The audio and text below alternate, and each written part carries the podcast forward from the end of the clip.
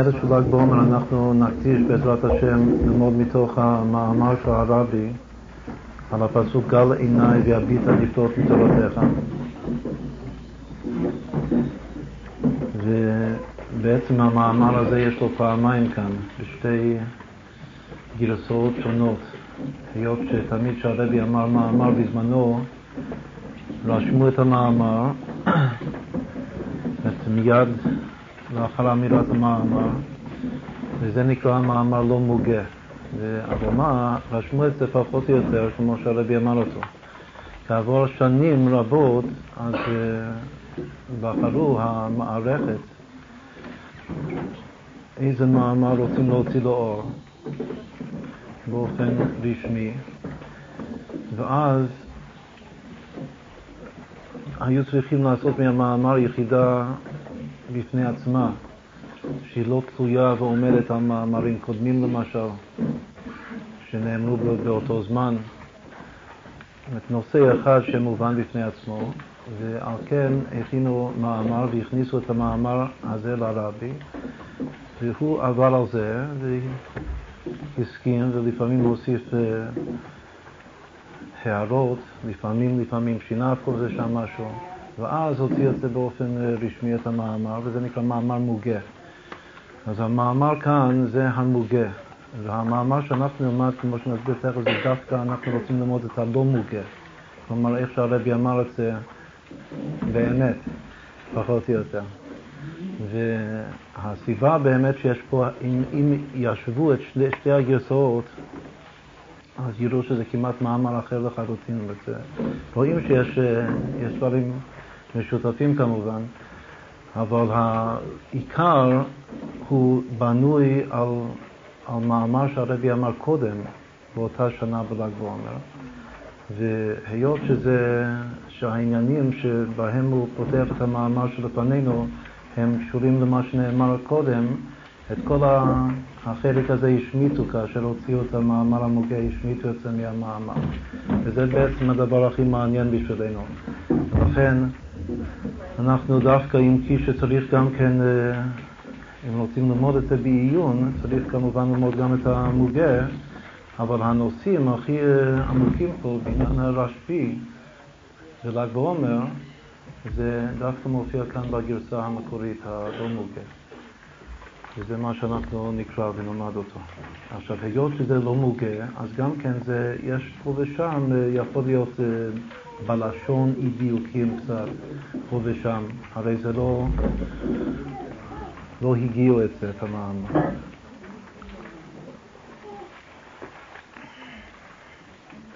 טוב, אז לאחר ההקדמה הזאת, נסתכל בתוך המאמר. זה מאמר שנאמר בדיוק לפני חי שנים. והוא פסוק בתהילים מפרק קי"ט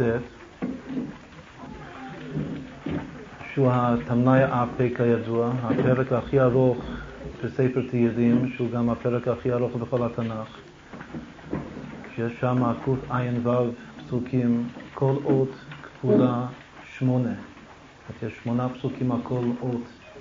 את המזמור הכי הכי אה, משוכלל, אפשר לומר הפרק הכי משוכלל שיש בכל התנ"ך.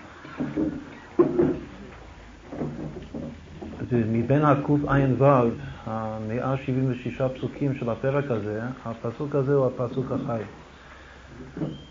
עכשיו אפשר גם כן לומר מילה אחת רק על התופעה הזאת, זאת זה פרק קי"ט, פסוק חי. גל עיניי והביטה נפלאות מתורתך. היום הוא גם יום חי, זאת אומרת ל"ג בעומר הוא חי באייר.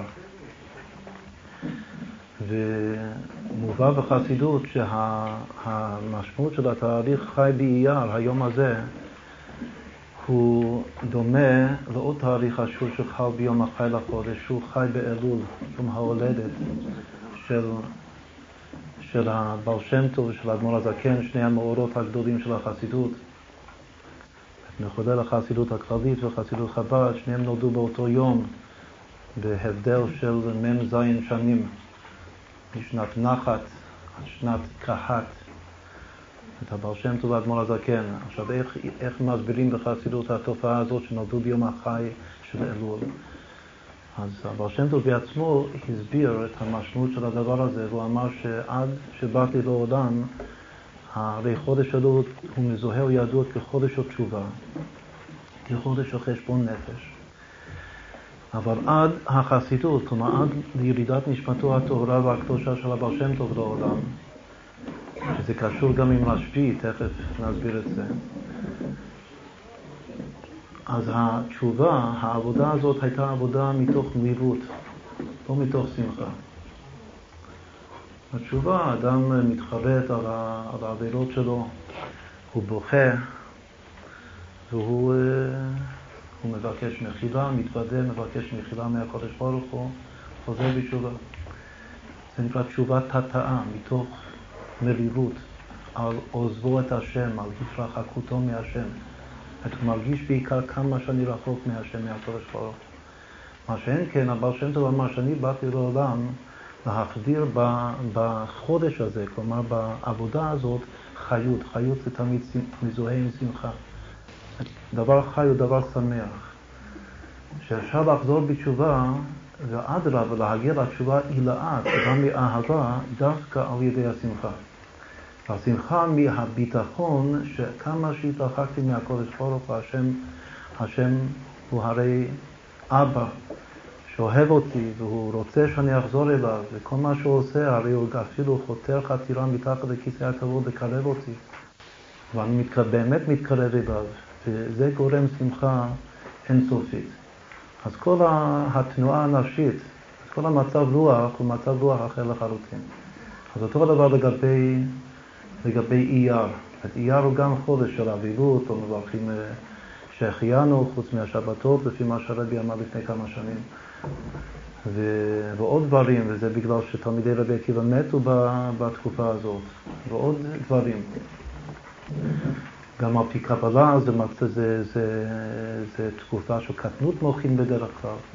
והנה יש אור גדול אור נפלא שמופיע באמצע התקופה הזאת של, של ספירת העומר, שהוא רשב"י, והוא אומר בפירוש שביום ההסתלקות שלי תשמחו, תשמחו.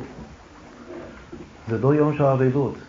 ואדרבה, אצל כל הצדיקים שהסתלקו מן העולם, בדרך כלל מקובל שיום הסתלקות של צדיק הוא יום תענית אפילו, מצמים, צמים. והנה כאן אומר הרשב"י, ולכן כתוב בספרים, למה באמת שמחים? אם לא שהוא היה אומר את זה בעצמו, לא היה שום, שום כוח לשמוח ביום הזה, ובאמת לקבוע שהיום הזה הוא חג, הוא יום טוב. רק שהוא הורה את זה, הוא אמר את זה. ובגלל שהוא אמר את זה, לכן אנחנו בהוד שבהוד. מה זה הוד שבהוד? הוד שבהוד זה להודות, זאת אומרת, בכלל זה להודות לדבר שאני לא מבין אותו כל כך. והוד שבהוד זה להודות לדבר שהוא לגמרי לגמרי מעבר לה, להשגה שלי, לתפיסה שלי. אני רק יכול להודות שצריך להודות, הוד שבהוד. אז בהוד שבהוד אנחנו מקבלים את הפסיקה, מה שהוא בעצמו אמר, הוא אמר שאני מסתלק מן העולם, אתם תשמחו. זה מה שהוא אמר בהתרזות לפני שהוא הסתלק מן העולם. עכשיו, לאחר שעושים מה שהצדיק אמר לעשות, אפילו שזה נגד, ה, נגד קצת נגד השכל, נגד, נגד ההיגיון, ונגד הנהוג לגבי שאר כל הצדיקים. אז לאט לאט גם הדבר הזה, שהוא בגדר חוד שבהוד, הוא מתחיל להאיר ולהופיע כחוד מלשון חוד והדר, יופי ואור, חוד מלכות, אי היא בהוד. עד שהאור הזה כן חודר, ולהפך זה ממלא את כל ההוויה, את כל, ה... את כל המציאות שלי, החוד שבהוד. ידוע ב... בספרי הקבלה שבינה, אימא, עד חוד התפשטה. שהבינה מתפשטת ומתגלה בספירת החוד. כלומר שהחוד הוא אור חוזר לאור ישר שיורד מספירת הבינה אימא. עכשיו, רבי שמעון, כמו שנדבר עליו בשבחו במשך כל הימים האלה בעזרת השם, הוא, הוא מצד עצמו זיהרה דאימא אלה, ספר הזוהר שלו, כתב את ספר הזוהר. והוא גם כן כותב בתוך הספר הזה, שהספר הזה הוא הזוהר של אימא הילאה. עכשיו, מה זה אימא הילאה? בקבלה אימא הילאה היא בינה, ולא סתם בינה, בינה שבבינה, זאת עומק הבינה. הבינה של שער הנון של הבינה, הרי יש חמישים שערי בינה, ועומק הבינה הוא להבין גם את שער הנון. אותו שער שכתוב שמשה רבינו בכבודו ובעצמו לא זכה להבין עד רגע ההסתלקות שלו. כתוב שבין התנאים, הגלגול העיקרי של משה רבינו הוא רשב"י, רבי שמעון בר יוחאי. אז גם בהסתלקות שלו וגם במידה מסוימת לפני ההסתלקות, שהוא גילה את הסודות, את הרזין דאורייתא, הוא עוסק והוא מגלה, הוא ממשיך לנו את שער הנון. בשמיעה, אחד מהרמזים של שמעון זה שמעו נון. שמעון, רבי שמעון. עכשיו, שער הנון הזה הוא גורם, כל תפיסה, כל השגה של אימא גורמת לשמחה. אם הבנים שמחה, זה הפסוק. והשמחה הזאת יורדת ומאירה, מגיעה עד לספירת ההוד. ההוד, הספירה שאמורה להחזיר בלב שלי, יש רשב"י, הוא הרבי שלי. יש וורט ש... שאומרים, שכתוב בספרי חב"ד, שזה וורט של, של חסידי ארץ ישראל כתוב. שחסידים, כידוע, שמה זה חסידי ארץ ישראל קודם כל? ידוע ש, שמאז, מנדל מביטבסק, באו לכאן, את העלייה הראשונה מ, מארצות האשכנז היה על ידי הצדיק הגדול תמיד המאגי, רב מנדל מביטבסק, שהוא קודם היה בצפת, הוא בא עם 200 משפחות, ואחר כך 200 משפחות אז זה כמו מיליון יהודים היום. 200 משפחות הוא בא לצפת, אחר כך הוא, אה, הם כולם עברו לטבריה. ומאז והלאה יש אה, חסידות בארץ ישראל. יש את תנועת החסידות, הבעל שם טוב נמצא כאן בארץ ישראל, מאז רב מנדל ויטבסקי. והוא והתלמידים שלו היו אומרים על, אה, על, על היום הזה ל"ג בעומר, ועל מירון ועל רשב"י, אז היה וורט היו אומרים ביידיש שמירון is a freiliche Eil ולרשב"י זה רבי. שמירון זה ציון שמח. אז יש הרבה קברים. מירון זה קבר שמח. ורשב"י הוא רבי שמח.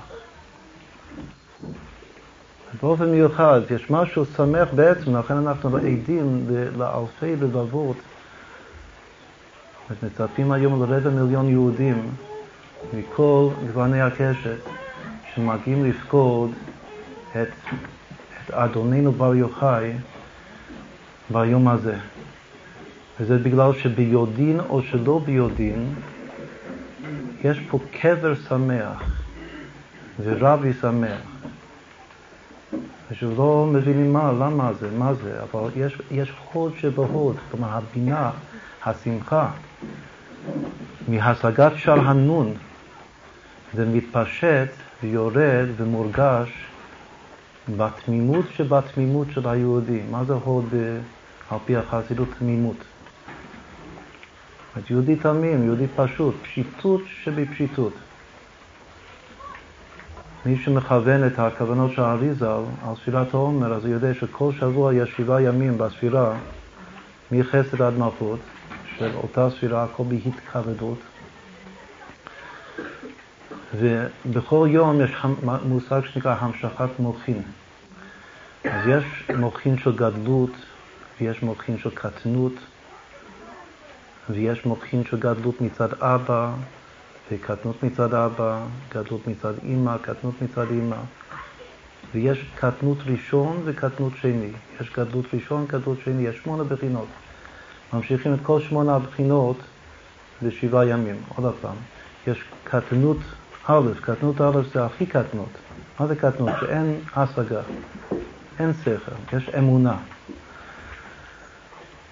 קטנות א' זו אמונה פשוטה, בלי שכל. כמו ילד קטן. אחרי קטנות א' יש גדלות א'. גדלות א' זה נקרא ידיעת המציאות. נדבר על זה בהמשך. שיודעים שמשהו נמצא, אבל לא רואים את זה. ידיעת המציאות. אחר כך יש קטנות ב'. קטנות ב' זה ביטחון, שהאמונה, זה שוב כאילו חוזר לאמונה, אבל אמונה יותר חזקה מאשר בתחילה, שהיא כבר בגדר ביטחון גמור. כלומר שיש איזה רשימוס של ידיעת המציאות שנשארת על גבי האמונה הראשונה והופכת את האמונה הראשונה ליותר ודאית, שוודאי יהיה טוב לפי הטוב הנראה והנגלה שלי, שאז זה נעשה ביטחון. אמונה הכוונה שמה שהשם עושה זה טוב, תמיד טוב. כל מה דאביד רחמנה לטב אביד. ביטחון זה שלא רק שהכל זה ודאי טוב מצד השם, שאני בוטח שהשם מתחשב בי. אם השם ברא אותי עם הקטנות מוחין שלי, אז הוא גם מתחשב בי, ואם הוא עושה טוב, הוא גם יעשה טוב שאני אבין שזה טוב, שאני ארגיש שזה טוב. זה נקרא טוב הנראה והנגלה. ואמונה כזאת היא כבר נקראת ביטחון. יש קצת דבקות. באמונה הראשונה זה רק בבחינת מקיף, אין דבקות פנימית מורגשת בלב. בביטחון יש דבקות, כאשר זה ביטחון, זה מלשון ותח את הבית. תח זה לשון טיח, שזה דבק, ובית זה בית. בטח זה תח את הבית, את הבית. בטח בדד אין יעקב. אז יש דבקות בביטחון, זה נקרא קטנות ב'. אחר כך יש יותר מזה, שזה גדלות ב', זה כבר ראיית המלכות. זה כמו לעתיד לבוא, כמו כאן הפסוק שלנו, גל עיניי ויביט הנפלאות מתורתך. גדלות ב'. אבל מה קורה בל"ג בעומר? מה קורה בכל שבוע של ספירת העומר? כשמגיעים ליום החמישי של השבוע, שזה החוד של השבוע, כאילו יורדים לקטנות א', גם מצד אבא, גם מצד אמא, מה שאמרנו ארבע מדרגות, קטנות א', קטנות, גדלות א', קטנות ב', גדלות ב', ככה הסדר. אם זה סדר ישר, יש גם מצד מוחין דאמא, וגם הכל זה מצד מוחין דאבא, אז יש שמונה מדרגות ביחד. יש כל הארבע מצד אמא וכל הארבע מצד אבא בקבלה. עכשיו, מה קורה ב- ביום החמישי של כל שבוע בספירת העומר? קטנות א', הן מצד אבא, הן מצד אמא. אז כל שאר הימים זה לא, לא קטנות מוחלטת. יום השלישי של השבוע, שהוא היום המקביל ליום החמישי, הוא התפארת, הוא הקטנות ב', גם מצד אבא, גם מצד אמא. בקטנות, המוחים של אבא ואמא נכנסים ביחד. בגדלות לא נכנסים ביחד, נכנסים בימים אחרים, ימים שונים. אבל בקטנות, המוחים לקטנות, זה נכנס ביחד גם של אבא, גם של אמא באותו יום, באותו זמן. ביום השלישי, יום התפארת, קטנות ב', זה לא, לגמרי לא לפי הסדר, ואין כאן המקום להסביר למה זה ככה. זה לא לפי הסדר ההגיוני, שמקטנות א' מגיעים לגדלות א', אחר קטנות ב', אחר גדלות ב', זה סדר אחר. ביום השלישי זה קטנות ב', של שניהם, אבא ואמא. ביום החמישי קטנות א' של שניהם. כלומר, הכי הכי קטנות זה ביום החמישה. עכשיו, כמו שזה בכל שבוע, ככה זה לגבי כל שבעה השבועות עצמם. שכל השבוע הזה, הזה של חוד הוא שבוע של קטנות. מה זה קטנות? פשיטות. כמו שאומרים, זה השבוע של יהודים פשוטים. עכשיו הולכים למירון, אפשר לראות את האנשים היהודים התמימים הפשוטים. היהודים הפשוטים של הבעל שם טוב, מי שהבעל שם טוב הכי אהב. וכנראה שגם הרשב"י הכי אהב, לכן הוא מביא אותם כל שנה להילולה שלו. וזה נקרא חוד, פשיטות, יהודים פשוטים, תמימות, אמונה תמימה, פשוטה. עכשיו, אם ככה זה לגבי כל השבוע הזה של, ה, של ההוד, על אחת כמה וכמה לגבי ההוד שבהוד, שזה היום הזה, שזה פשיטות שבפשיטות, תמימות שבתמימות. ודווקא ביום הזה הוא ההילולה של רשב"י, ובאותו יום, הל"ג בעומר, מתגלה הסוד הזה של גל עיניי ויביט הנפלאות מתורתך. גל זה אותיות ל"ג, כמובן. שוב, אם כן, מה אמרנו עכשיו? רק אה, קצת הסברנו את הוורד הזה היפה, ש, ש, שמירון יזפרי לך אהל, רשב"י יזפרי לך רבי, זה הוורד. שמירון זה קבר שמח ורשב"י הוא רבי שמח. והשמחה הזאת משאר הנון של הבינה, בינה שבמידה זה מה שמתפשט ומתגלה בהוד שבהוד.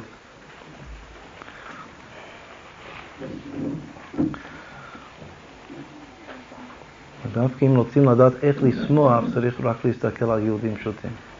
יהודים פשוטים יודעים איך לשמוח, בשמחה פשוטה אמיתית. עכשיו, הפסוק שלפנינו הוא פסוק שנדרש בספרי הקבלה והחסידות בהקשר בל"ג בעומר. היות שהוא מתחיל כך, הוא מתחיל גל עיניי. גל זה אותיות ל"ג.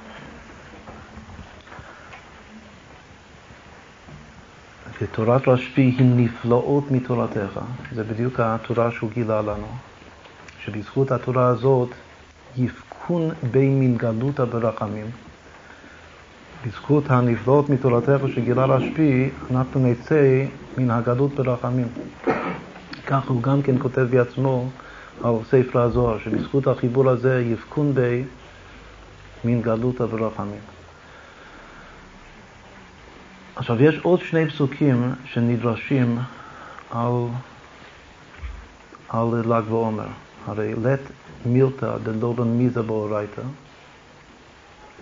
במיוחד מילתא, שזה לא סתם מילתא, לא סתם דבר, זה דבר גדול מאוד, את ל"ג בעומר, אז ודאי יש לו איזה מקור בתורה, כמו שחז"ל שואלים אסתר מן התורה מנין. ואנוכי אסתר אסתיר פניי ביום ההוא, מרדכי מן התורה מנין, מור דרור מרדכי. וככה מחפשים גם לחגים שהתרחשו דווקא לגבי פורים, זה מאוד מעניין. מחפשים אסמכתא ורמז, איפה זה כתוב בתורה, החג הזה? איפה זה מרומז בתורה? עכשיו, זה של"ג בעומר הוא יום שמח, שמח, לא סתם שמח, שבמידה מסוימת יותר שמח אפילו מהחגים צריך להיות. זאת אומרת, שוב, החיות, חי אייר, החיות, השמחה של חודש אייר. שזה כל כך שמח שזה במידה מסוימת זה הופך את כל החודש הזה לחודש שמח. אז אם רוצים להבין את זה, יש פה בהמשך, זה תוכלו לקרוא לבד, יש פה מאמר על חודש אייר בהמשך החוברת הזאת. אז יש בקבלה במידה מסוימת שכל החודש הזה הוא חודש של שמחה. אז אם הייתי רוצה להצביע על חודש אחד בשנה שהוא חודש של שמחה, זה אדר, מי שנכנס אדר מרבים בשמחה. אין שמחה כשמחת פורים. אבל כתוב גם כן, הרבי מביא את זה בשיחה אחת, שנתנו רמז וסימן של"ג בעומר הוא שייך לפורים, והראיה שזה חל באותו יום. באותו יום בשבוע שחל פורים, אז ככה באותו יום יחול ל"ג בעומר. שלמשל השנה פורים היה ביום חמישי, אז גם ל"ג בעומר לא יום חמישי. ככה זה בכל שנה. פורים ול"ג בעומר באים ביחד, באותו יום. אפילו דורשים את זה שכאשר מחברים אותם, את פורים ול"ג בעומר, הרמז הוא פלג. פלג אלוקים מים רבים. פלג זה, הפלג הטוב זה מעיין נובע, זה נחל. נחל, נחל נובע מקור חוכמה, פלג. אחד מהסודות של שמעון, שמעון מלשון שמע, קשור עם הפסוק בישעיהו, שאו מרום עיניכם וראו מי ברא אלה. שאו מרום עיניכם, ראשי תיבות שמע, של שמעון. ושאו מרום עיניכם וראו, זה על דרך גל עיניי ויביטה. ומה כתוב? כתוב מי ברא אלה. מה זה מי ברא אלה? ברא אלוקים. מי אלה זה צירוף אלוקים. רק שזה נקרא פלג אלוקים. למה זה, פלג אלוקים זה ביטוי ניב מספר תהילים. פלג אלוקים מים רבים. מלא מים. מה זה פלג אלוקים? שמחלקים את המילה השם אלוקים למי ואלה. ובמקום מה שכתוב בבראשית ברא אלוקים את השמיים ואת הארץ, ברא אלוקים, כתוב מי ברא אלה. מי דקיימה זה פסוק שמופיע בהקדמת ספר הזוהר. בתחילת החיבור הזה, שביבכון בי מן גלות וברחמים, הוא פותח בין היתר עם הפסוק שאו מרום עיניכם וראו מברא אלה, הוא אומר שעד כאן אפשר לשאול מי דקיימה לשאלה. את כל השאלות, כל החקירות וכל ההשגות, זה הכל באימא הילה, מי ברא אלה, מי בקבלה זה אימא, ואלה אלו הבנים שלה, המידות, הרגש בלב. מי ברא אלה? פלג אלוקים. שוב, מי זה שמחה? ואלה זה כאשר נתת שמחה בליבי, שעיקר השמחה שחודרת ללב זה בהוד שבהוד, בינה עד הוד התפשטה. עכשיו זה רמז שמובא לקשר בין פורים ול"ג בעומר. וכאשר מביאים את הרמז הזה מוסיפים עוד יותר, ואומרים שכמו שחז"ל אומרים שכל המועדים עתידים להיפטר חוץ מפורים, שרק זה יישאר, אז הוא הדין ל"ג בעומר. כלומר שיש משהו בל"ג בעומר שזה יותר מכל המועדים. והרב מביא לזה גם כן ראיה, שהיה אחד, זה סיפור ש, שמסופר ב, בכתבי האריזה, שלאריזה היה תלמיד אחד, רבי אברהם הלוי קראו לו. והאריזה אמר עליו שהוא היה גלגול בדורו של ירמיהו הנביא. ומי היה ירמיהו הנביא? זה שחי וחווה את חורבן הבית. וזה שכונן את חורבן הבית, הרי הוא בעל ספר קינות, מגילת איכה שנקרא ספר קינות, הוא ספר שכתב ירמיהו הנביא, בגלל שהוא העד ראייה של החורבן, והוא כאב את הכאב של החורבן יותר מכל אחד אחר. עכשיו, בדורו של האריזה הוא אומר שהיה לו תלמיד אחד, רבי אברהם הלוי, שהוא הגלגול של ירמיהו הנביא. ועל כן, היות שהוא הרגיש והכיר בשורש שלו, שורש נשמה שלו, הוא יותר מכל אחד מבני דורו היה מתאבל כל הזמן ומקונן כל הזמן על חורבן הבית. ואיך זה היה מתבטא אצלו? שיש תפילה שאנחנו, כל עם ישראל אומרים את זה אך ורק פעם אחת בשנה. ביום תשעה באב, ביום החורבן, אומרים את תפילת נחם. בברכת בוני ירושלים, מוסיפים תפילה נחם.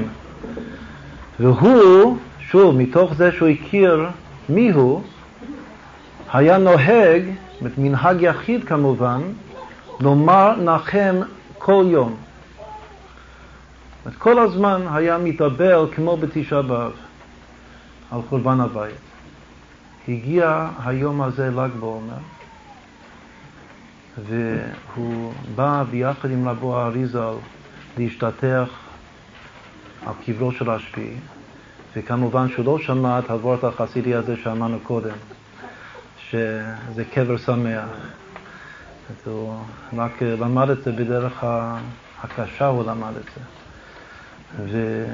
והוא התפלל כמנהגו תמיד את, התפילה הזאת נחם, ואז האריזל הרגיש שיש פה מתח רוחני באוויר כאן, בציון במירון. ואחרי שיצאו משם, האריזה, הארי הקדוש אמר לו ש... שהרשב"י מאוד הקפיד עליו, שהוא יתאבל על חורבן הבית בפניו ביום השמחה שלו. וכל כך הקפיד עליו שההוא כנראה שלא לא יגמור את השנה שלו. וכך היה. אז, אז אה, לומדים מכאן ככה, קודם כל הרבי אומר שמאיך שזה מובא, מופיע, משמע שגם יש גם דעות שהיה אומרת את ברכת המזון, לא רק בתפילת שמונה עשרה, היה אומר נחם גם בברכת המזון. ומשמע שהיה אומר את זה כל ימי חייו, כולל שבתות וימים טובים. את ימים שגם על פי, פי פשט בשולחן ערוך לא מתאבדים. אבל משמע מהמקורות שהוא היה אומר את ה... את ה היה מתאבל ואומר את הנחם שלו אפילו בשבת, אפילו בחג. ולא הייתה הקפדה עליו. אז כמו שאמרנו, זה התאים לשורש נשמתו, זה היה תיקון בשבילו. זה מנהג פרטי, לא מנהג כללי.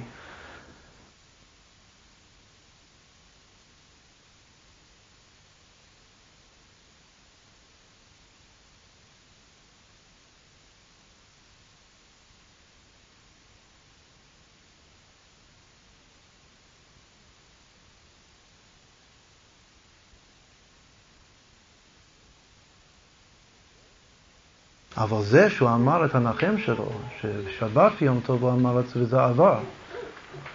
אבל הוא אמר את זה בפני הרשב"י ביום ההילולה שלו, אז זה גרם פידה חמורה מאוד בשמיים, בגלל הרשב"י. ומכאן אתה למד ש... שהרשב"י לא סובל עצבות ואבל אפילו אחד שהוא הגלגול של ירמיהו הנביא שמקונן על חורבן הבית. וכל כך למה? בגלל שכתוב, זה, זה שוב, זה וורט מאוד מאוד uh, עמוק ועצום לגבי רבי שמעון בר יוחאי, שאצל רבי שמעון בר יוחאי בית המקדש לא חרב. זאת על פי פשט הוא חי כמה וכמה דורות אחרי החורבן של בית שני. אבל אצלו אין חורבן. ובגלל שאצלו אין חורבן, אצל רשב"י, גם התורה שהוא מגלה לעולם, שהוא ממשיך לתוך העולם, הגל עיניי ויביט הנפלאות מתורתך, זה גם כן תורה כזאת שהוא מעל לשבירה ותיקון. מה זה חורבן הבית? חורבן הבית זה נקרא שבירה. אם יש שבירה צריך לתקן. איך מתקנים דבר שבור? על ידי תשובה, על ידי בכי, חרטה, מתקנים את השבר.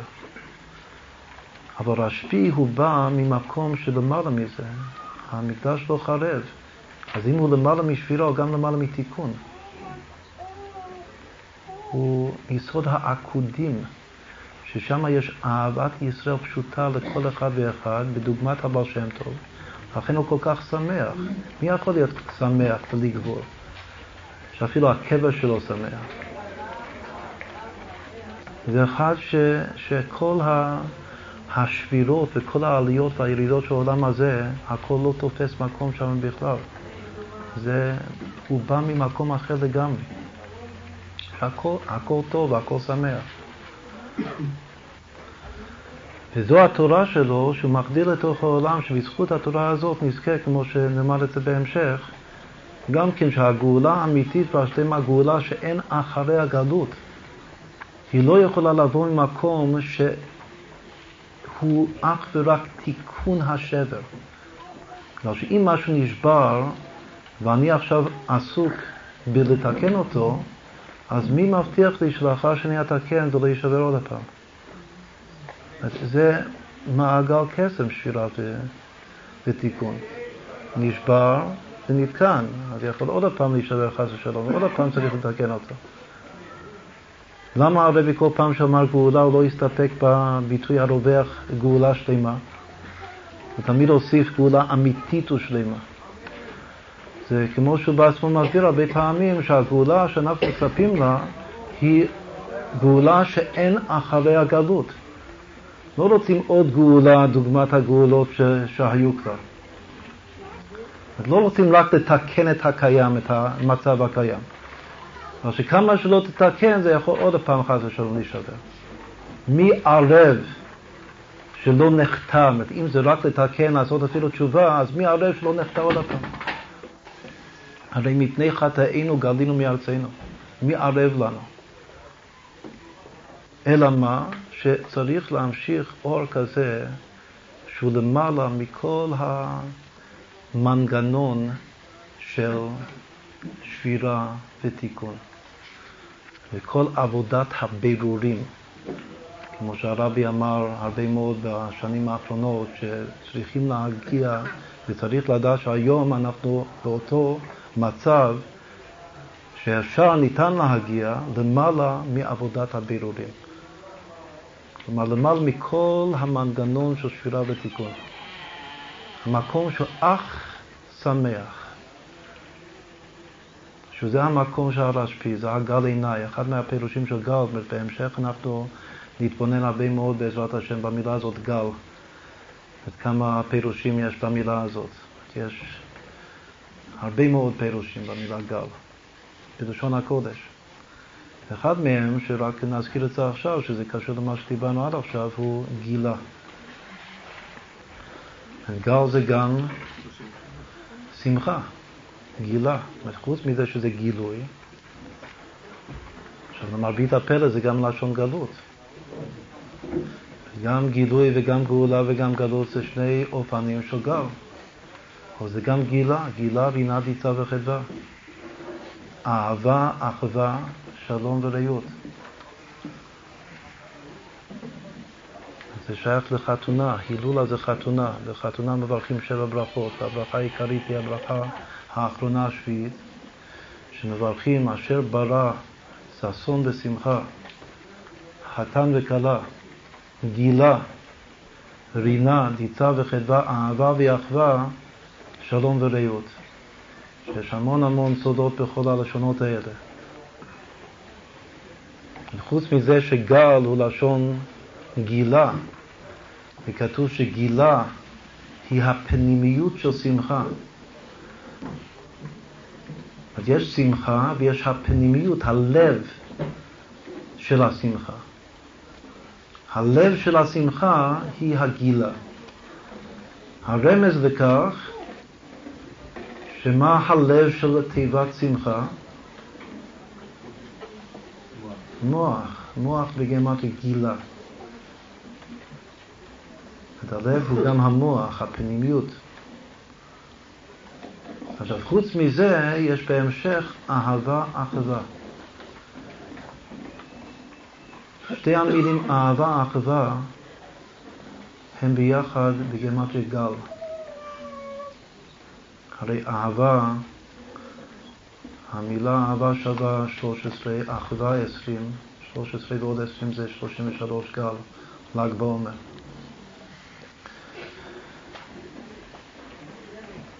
שהעולם היה צריך לגשם, למיטרה. אז היו שני צדיקים גדולים שהם פעלו בזכות, ה... בזכות, בזכות עצמם את, ה... את הורדת הגשם לישראל. קשור לפרשת השבוע, אם בחוקותיי תלכו ונתתי גשמיכם בעיתם. חוני המעגל ורבי שמעון בר יוחאי. חוני המעגל פעל את הגשם על ידי התפילה שלו, אבל הוא לא פעל מיד גשם כתקנו, כמו שצריך להיות. בתחילה ירד יותר מדי חזק גשם, כמעט שטף את העולם, כמעט החליב את העולם, זה נקרא רוב טובה. אחר כך היה צריך להתחנן שהשם ירד קצת. אז באמת נעשה רק טיפין טיפין, פחות מדי גשם. עד שלאט לאט הוא היה צריך לווסת את הגשם שזה יהיה כמו שצריך. זה בגלל שהוא פעל את זה בדרך מלמטה למעלה, שזו עבודת התפילה. מה שאין כן רשב"י, שהעולם צריך לגשם, כתוב שהוא קיבץ את החברים מקשיבים. גם פסוק שנסביר אותו בהמשך בעזרת השם. רשב"י הוא זקוק לחברים מקשיבים. חברים מקשיבים לקולך השמיעיני. השמיעיני זה לשון שמעון, שמעון בר יוחאי. אז בשביל שיש שמעון השמיעיני צריך להיות חברים מקשיבים לקולך. ושיש לו, זאת אומרת, זכרוני המעגל לא היה צריך חברים מקשיבים, להפך, הוא אג עוגה. הוא נכנס, הוא התבודד, הייתה לו עבודת התבודדות. רק בינו לבין הקודש ברוך הוא. עגוגה ובמסירות נפש שפך שיח בפני השם שיוריד גשם לישראל. אמר שהוא לא זז מכאן עד שהשם לא יושיע את עמו. וכך הוא פעל מכוח העקשנות, המסירות נפש של הקדושה שלו. זה רק סיפור בינו, זה ילד מתחטא בפני אביו שבשמיים. בינו לבין הקודש ברוך הוא. אבל רשב"י, הוא צריך חברים מקשיבים, יש לו תלמידים, והוא פותח בדברי תורה, ואיזה תורה רזין דרזין דאורייתא. ואז ואתי מיתרא, אז הגשם בא והוא מיד יורד בדיוק כמו שצריך. לא צריך לעשות את זה שום דבר. הוא פועל את זה ישר מלמעלה למטה. ובאיזה פסוק כתוב בספר הזוהר הפתח? מה הוא דרש? הוא רצה להוריד גשם. הוא פתח בפסוק, הוא רצה להוריד גשם, הוא רצה להוריד שפע. ועל ידי זה שיושפע, יומשך שפע רב בכל העולמות. איך הוא עשה את זה? הוא פתח בפסוק, הנה מה טוב ומה נעים שבת אחים גם יחד. וזה לא בכדי שהוא בחר בפסוק הזה לדרוש, אם כי לכאורה היה יכול לדרוש על כל פסוק בתורה, בגלל שהעניין זה רק תלוי באור התורה. אבל הוא דווקא בחר לדרוש את הפסוק, הנה מה טוב ומה נעים, שבט אחים גם יחד. והוא פתח את פיו ברזין דאורייתא, רזין דרזין דאורייתא, וירד קשר מיד. כך הוא פעל. העניין שלו, כמו שהוא כותב בעצמו באידרא, זה בתוך עם ישראל עוד דבר שאנחנו בעזרת השם נדבר הרבה עליו, לפעול בעם ישראל אהבה אמיתית בין כולם, ללא תנאים, בלי שום תנאים, היות שזה למעלה משבירה ותיקון. אבל שבירה ותיקון זה כמו מוסר, שיש חטאים, יש עבירות ויש תשובה, צריך לתקן אותם. אבל אהבה תמימה פשוטה, עצמית, זה נקרא עולם העקודים, קוראים לזה בספרי הקבלה, שלמעלה מעולם שנשבר ועולם שנתקן. יש שלושה עולמות כתוב בקבלה, עקודים, נקודים, ברודים. שנקודים נשבר וברודים תיקן אותו. אבל הקודים הוא למעלה מזה. ומתי האיר אור מאותו עולם, האור הזה האיר דווקא בהקשר של, של חטא, של, זה נקרא דור הפלגה. אמרנו של"ג בעומר זה קשור עם פלג, פורים ל"ג בעומר. פלג היה צאצא של שם, ובדורו נפלגה הארץ, וכמעט שהצליחו להגשים את כל אשר יזמו, וכמבואר בקבלה בחסידות זה היה בזכות שכולם דיברו שפה אחת ודברים אחדים, כלומר שהיו באחדות, כולם.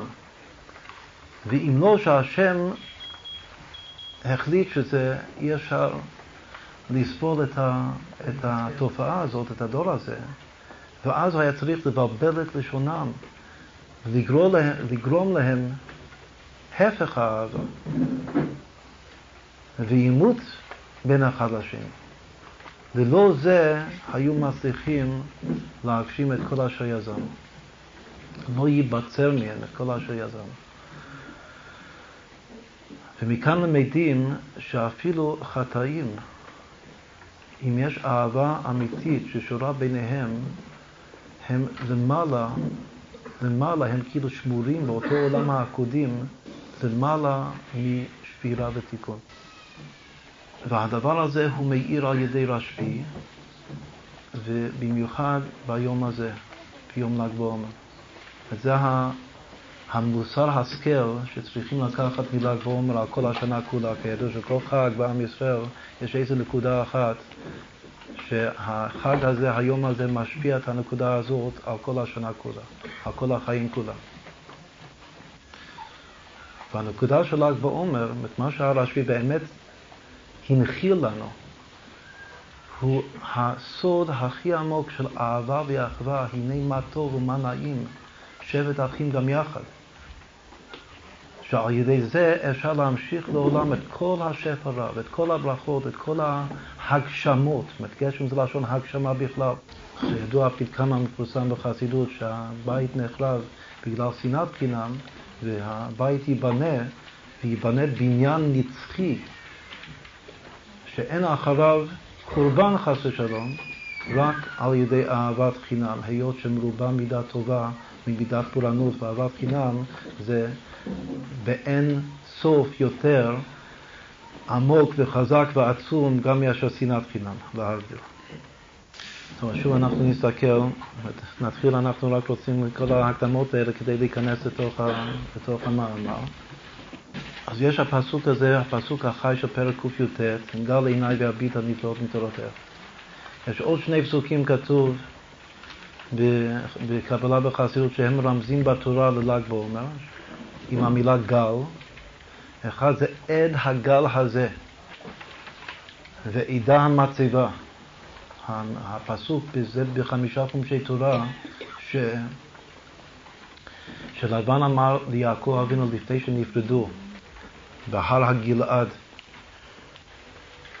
הקימו גל עד, אשר אנוכי לא אעבור ואתה לא תעבור, אלי לרעה, כאילו עשו מחיצה מבדילה ביניהם, בין לבן לבין יעקב, שזה גם מתפרש בשני אופנים, או שלבן הוא לבן הארמי, הרשע כפשוטו, והוא מסמל את הקליפות או את העולמות התחתונים, והגל הוא הגל בין הקדושה לבין, ה...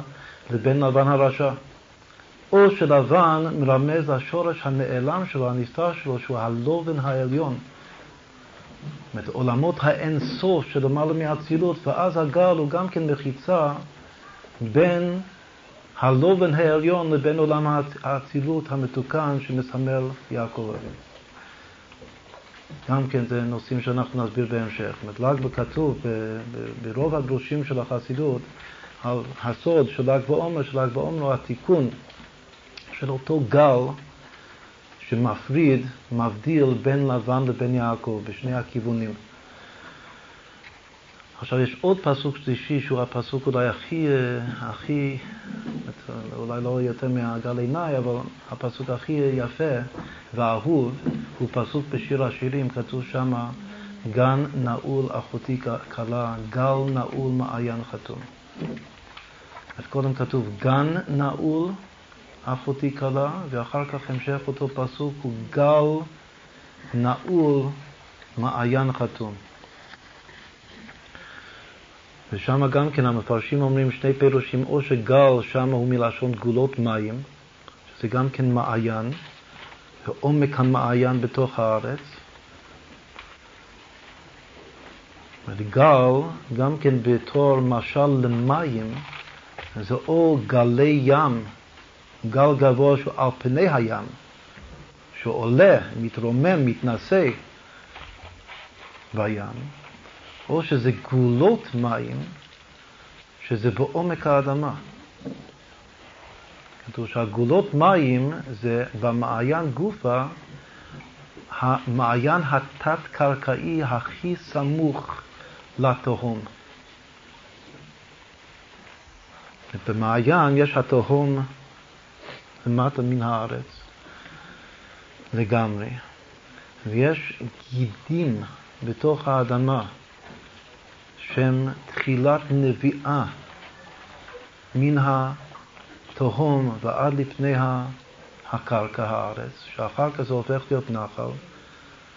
את מעיין נעשה נחל עד שהוא נעשה נהר רחב, רחובות הנהר.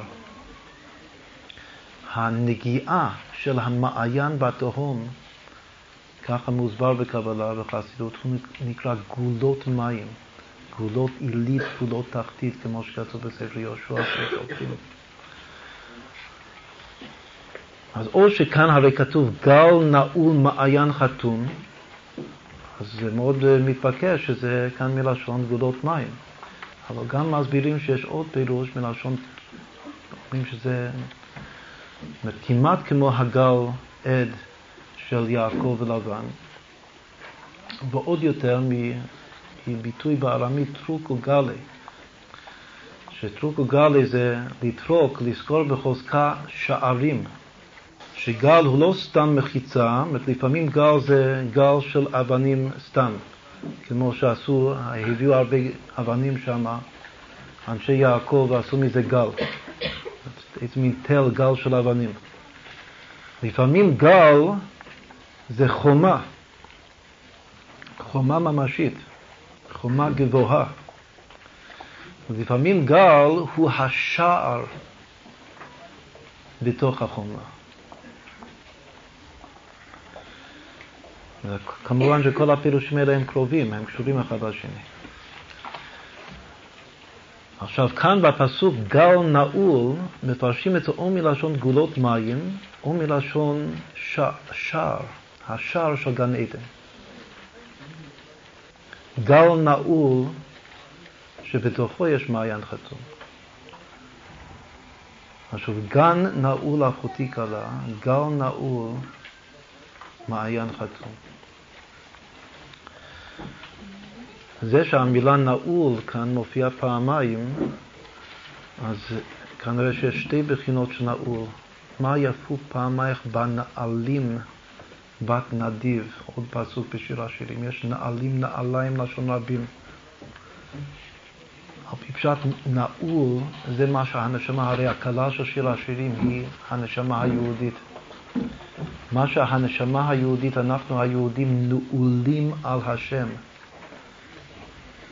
בלשון המדוברת היום. מה זה נעול? נעול הכוונה שאין שום משיכה ושום תאווה בעולם לשום דבר זר, רק למקור מים חיים, השם. או במשל הפשוט בין כלה וחתן, שאין לכלה שום משיכה בעולם, רק לחתן שלה. זה נקרא נעול. אז יש גן נעול ויש גל נעול. עכשיו, היות שבדרך כלל הפסוקים מדברים מן הקל אל הכבד, גם פה זה פשוט שהגל נעול היא דרגה הרבה יותר גבוהה עד אין סוף אפילו מאשר הגן נעול. אז אם כן, גל זה יותר מגן. ואם גן זה גן עדן, אז גל, כמו כאן גל עיניי, הגילוי של גל עיניי זה גילוי שמעל ומעבר לגן עדן.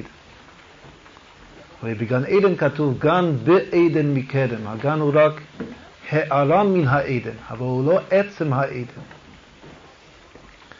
מה שאין כאן כתוב שהגל נעול זה גילוי של עצם העדן עילאה סתימאה. מה שמתגלה כאן גם כן בפסוק שלנו, גל עיניי ויביט הנפלאות מתורתך, הגילוי הוא גילוי של עדן עילאה סתימה. עליו נאמר, עין לא ראתה אלוקים זולתך יעשה להנחכה לו. לכן זה קשור עם, עם הגאולה העתידה, ששום עין של נביא לא ראה את הקץ, את הגאולה, אלוקים זולתך, יעשה למחכה לו. טוב, שוב, במשך הימים האלה בעזרת השם נדבר, ולכן צריך להיות רשום אצל כל אחד ואחד שלושת הפסוקים האלה. הקשר בין גל עיניי לבין עד הגל הזה לבין גל נעול, מעיין חתום. עכשיו נתחיל לקרוא את זה בפנים. גל עיניי, גם אולי נשים רק לב שעיניי, כמו שהוא מלשון עיניים, הוא גם מלשון מעיין. המעיין גם נקרא עין. גל נעול, מעיין חתום. גל עיניי והביט הנפלאות מתורתך. עכשיו, כתוב זה קשור עם ל"ג בעומר. הוא מביא כמה מקורות לזה. והוא אומר שנתפאר לאל, כמו שאמרנו כאן, שהיות שהמאמר שלפנינו הוא לא מוגה, הוא מתקשר עם המאמר הקודם. הוא סומך על המאמר הקודם. הוא אומר שהסברנו במאמר הקודם שבעניין דאבית הנפלאות ישנו קישור, חיבור וייחוד הקצוות. עכשיו זה כאן הרעיון הראשון שהוא מביא את זה מהמאמר הקודם, והוא עיקר הסוד כאן של, של היום הזה, או של כוחו, סגולתו של רשב"י.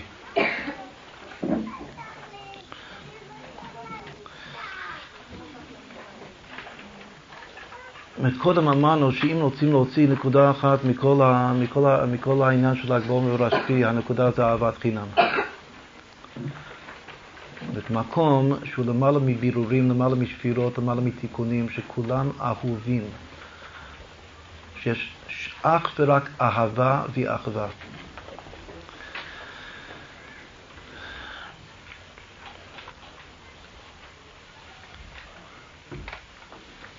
יש קצוות במציאות. קצוות זה כמו דעות קיצוניות. יש קיצוניות. כמו היום מדברים, יש ימין קיצוני, יש, יש uh, שמאל אפילו לא אומרים קיצוני, בגלל שכמו שנראה כאן בהמשך, זה אפילו לא בגדר קצה. זה יותר מלהיות קיצוני. אז זה בדיוק הרעיון שנסביר עכשיו. אז יש, יש קיצוניות. עכשיו, אם מדברים למשל על מושגים של ימין ושמאל, אז ימין ושמאל זה, זה מאוזן. ימין קיצוני זה, קוראים לזה בספר יצירה עומק דרום. דרום זה ימין, זה עומק, זה דרום אינסופי. ושמאל קיצוני זה, זה צפון, עומק צפון זה נקרא בספר יצירה.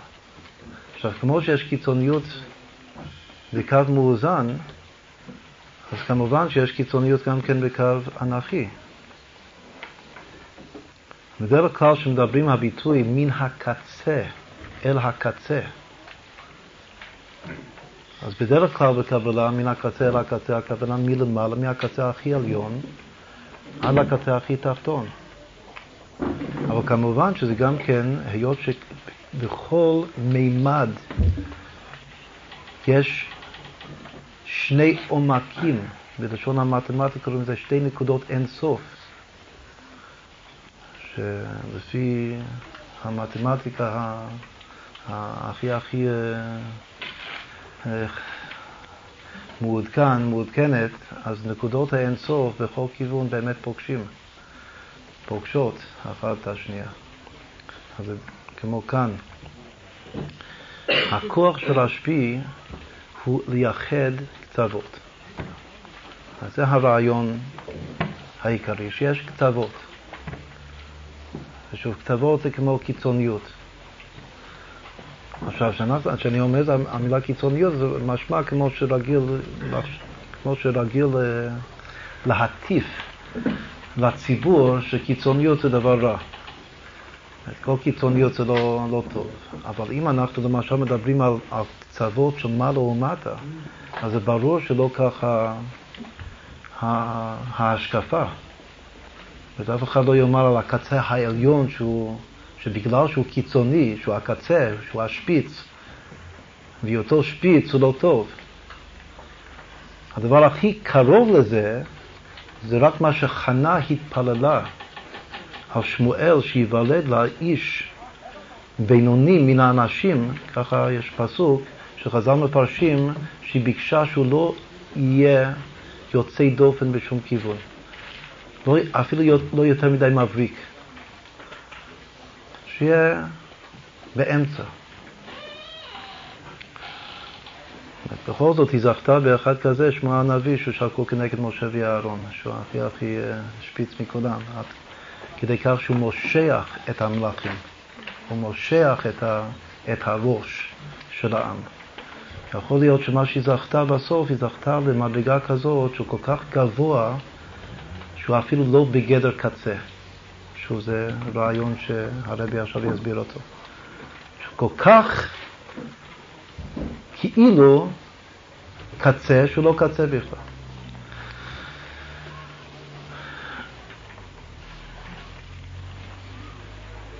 אז שוב, הרעיון הוא שרשב"י, יש בכוח הרשב"י לייחד קצוות.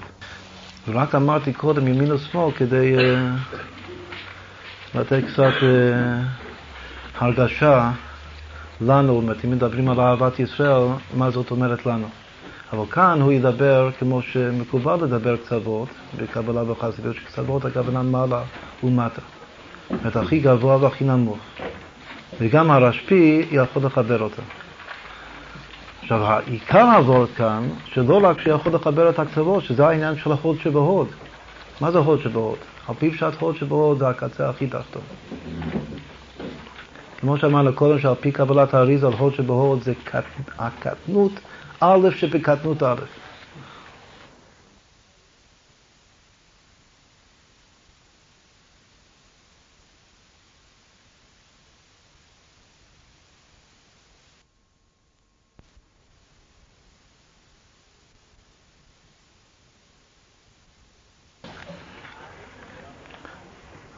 יודעים שבקבלה הספירות הן אה, מכוונות כנגד האיברים של הגוף.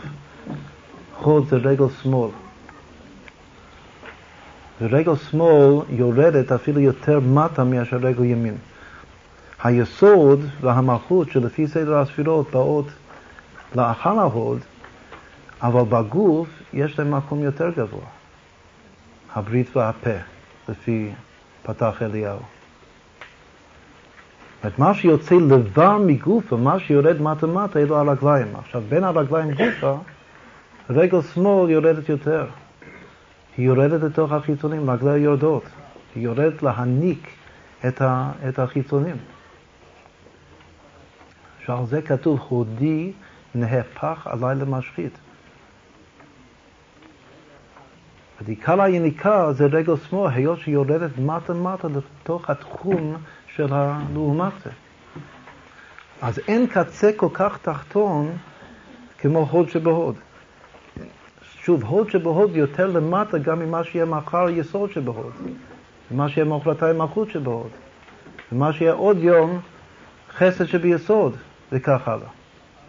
יש משהו בהוד שבהוד, שוב, על פי הדימוי הקבלי, שהוא הנקודה הכי נמוכה שיכולה להיות.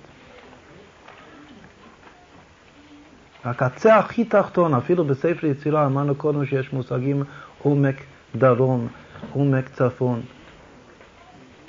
נצח והוד, שתי הספירות האלה, הרגליים, בספר יצירה נקראו עומק רום ועומק תחת. הנצח נקרא עומק רום, וההוד נקרא עומק תחת. אז שוב, מה זה הוד? זה תחת. זה תחתון שאין תחתון למטה ממנו. מה זה הוד שבהוד? זה תחתון עוד יותר תחתון. כמו שנסביר גם כן, הרבי יביא את זה תכף בהמשך, שיש משהו שלמטה מהכי למטה. שהוא אפילו לא בגדר קצה תחתון. ומכאן כאן הסוד הראשון כאן שנסביר, קודם הוא אמר שרשב"י הוא הכוח לייחד קצוות. אחר כך הוא ימשיך ויסביר לנו שיש דבר שהוא למעלה מלהיות קצה. הוא לא קצה. ויש דבר שהוא למטה מלהיות קצה. שגם למטה זה לא קצה בכלל. זה מנותק לגמרי. אז אם אומרים שני קצוות, אז מה זה, מה זה, מה זה אומר לאין הדמיון? קצוות. זה אומר איזה קו משוח, משוך מתוח, שיש שני קצוות, זה כמו איזה קרש או משהו. איזה פס, איזה, איזה מימד מוצק משהו שיש לו שני קצוות. אבל, אבל יש קשר, בין השני הקצוות יש קשר, שניהם עומדים על אותו ציר. יש איזה ציר, ציר ארוך שיש בו שני קצוות. אבל אם אני אומר שיש דבר שמעבר לקצוות, הכוונה שהוא לא, לא קשור לציר בכלל. אז יכול להיות גם כן בכל צד דבר שהוא כל כך רחוק, שהוא לא בגדר קצה. בכל אופן, כמו שנסביר את זה, יש הבדל בין מה שבקדושה לא בגדר קצה, למה שבקליפה לא בגדר קצה. שמה שבקדושה לא בגדר קצה, הוא בכל זאת מתלבש ומסתתר בתוך הקצה העליון. הוא לא מנותק ממנו. מה שאין כן למטה, בקליפה ברע, מה שלא בגדר קצה, הוא אמור להיות מנותק לגמרי. ואם הוא לא מנותק, זה לגריעותא, בגלל שזאת אומרת שהוא יונק חיות, הוא לא מתבטל אפילו לקצה התחתון של הציר. הוא רק יונק ממנו, הוא נדבק אליו, כמו העלוקה, יונק את החיות שלו. במקרה הטוב הוא מנותק. במקרה הרע הוא מחובר. מה שאין כן, מה שלמעלה מקצה עליון הוא מתלבש ושורה בתוך השפיץ, בתוך הקצה העליון ממש. בסדר, עכשיו נראה את זה כאן כתוב בפנים.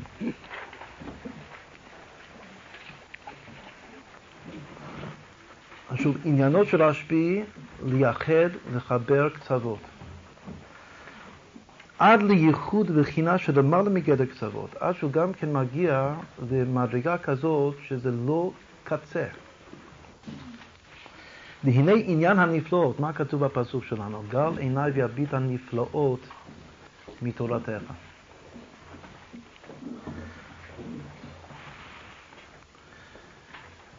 נפלאות זה כמו שדיברנו קודם על שמעון, שהוא שייך לשאר הנון של הבינה. כתוב שנפלאות זה נון פלאות. יש גם מקום אחד בחסידות שכתוב של"ג בעומר זה כמו ארון הקודש, שבקודש הקודשים שארון זה אור נון. ומקום הארון אינו מן המידה.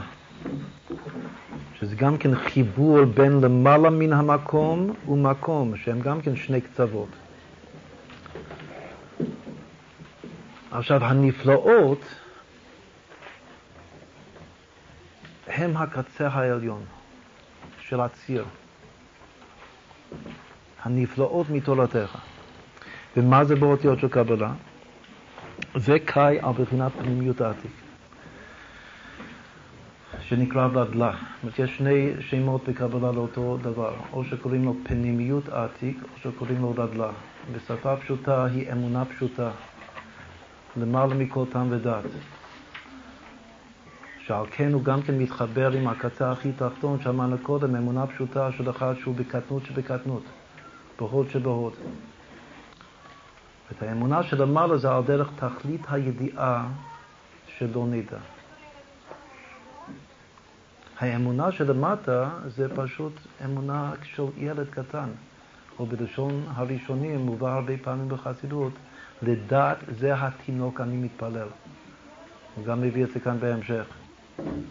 את כל אחד צריך לומר או לחשוב שלדעת אני לא מתפלל, יש כאלה שאומרים לפני התפילה, לפני התפילה שאני מתפלל לדעת האריזל לדעת האדמו"ר הזקן, שזה בסדר גמור, אפשר לכוון ככה, שאני רוצה לבטל את הכוונות שלי, הכוונות של הגדולים.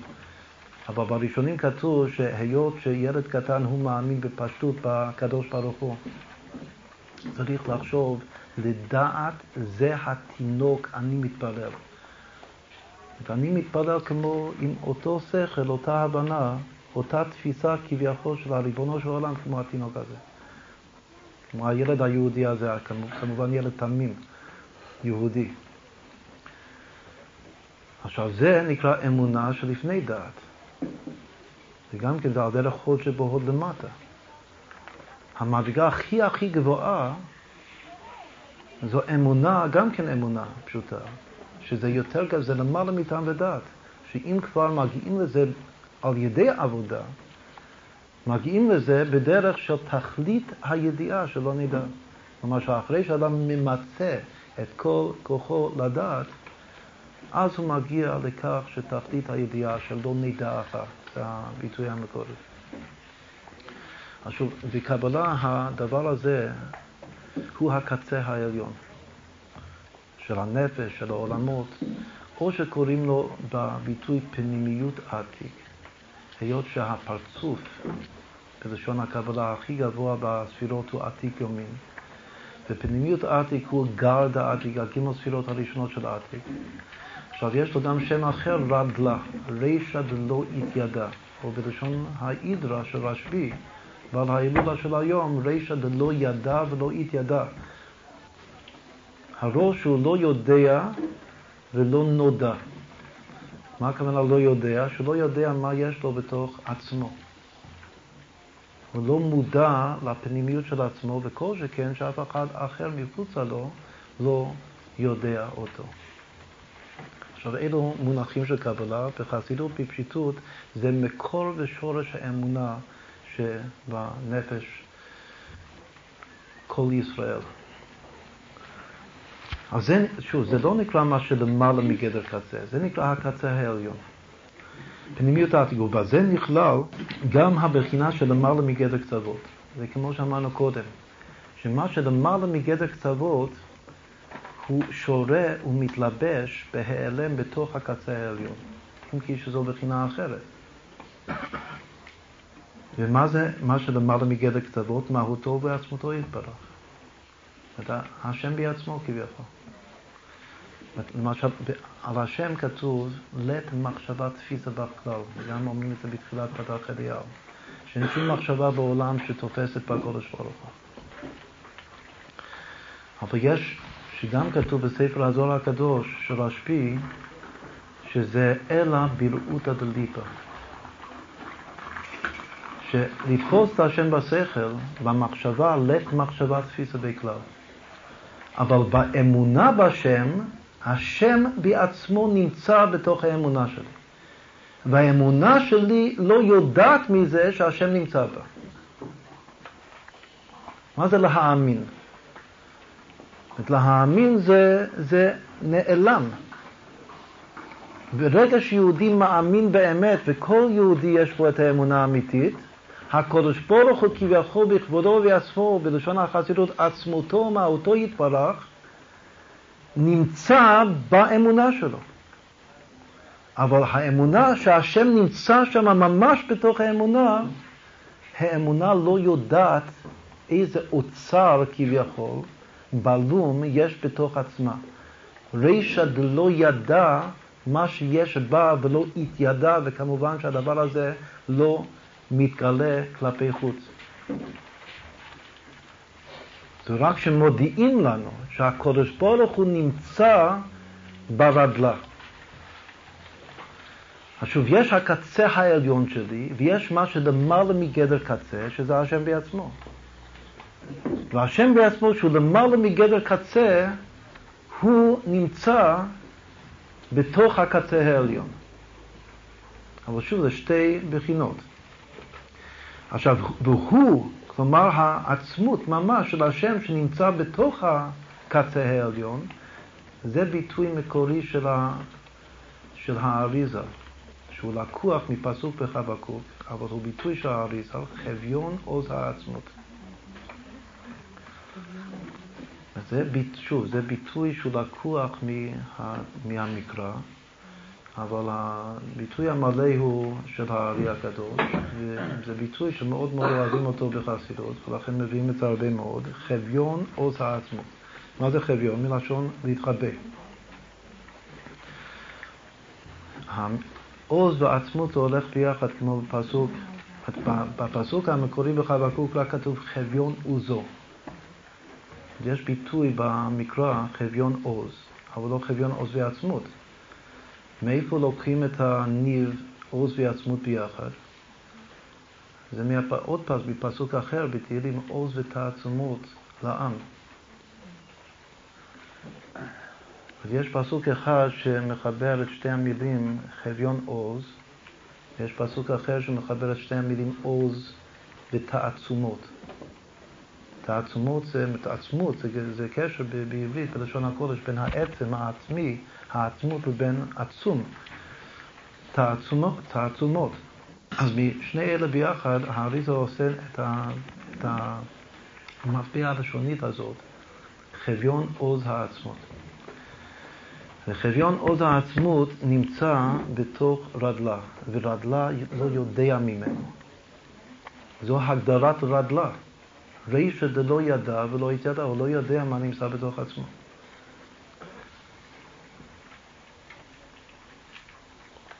עוד פעם, זה, מה המשל הפשוט? זה כמו שיהודי אין לו מושג מה, מה הוא חווה בקרבו, בחיקו, בחיק האמונה שלו.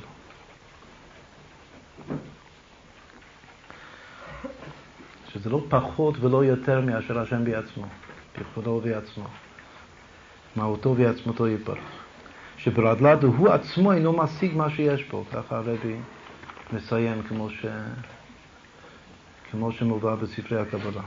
וזהו פירוש דלא ידע ולא יתדע מדחבי ברישא זה הלשון של העידו, של השביעי. שהוא נקרא רישא דלא ידע ולא יתיידע מדחבי ברישא כי מובא בליקוטי תורה, הוא מביא את המקור לזה, להסבר הזה מאדמון הזקן בליקוטי תורה ליום כיפור. וזה קיים, מה, ש, מה שהוא לא יודע, מה שהוא חווה בקרבו, שזה חביון עוז העצמות, וזה קאי על עצמותו ומהותו יתברך. ובחינה זו, שלמעלה מגדר קצוות נמשכת למטה בקצה התחתון, והוא יסביר תכף, וגם מה שיותר למטה מלהיות בגדר קצה תחתון.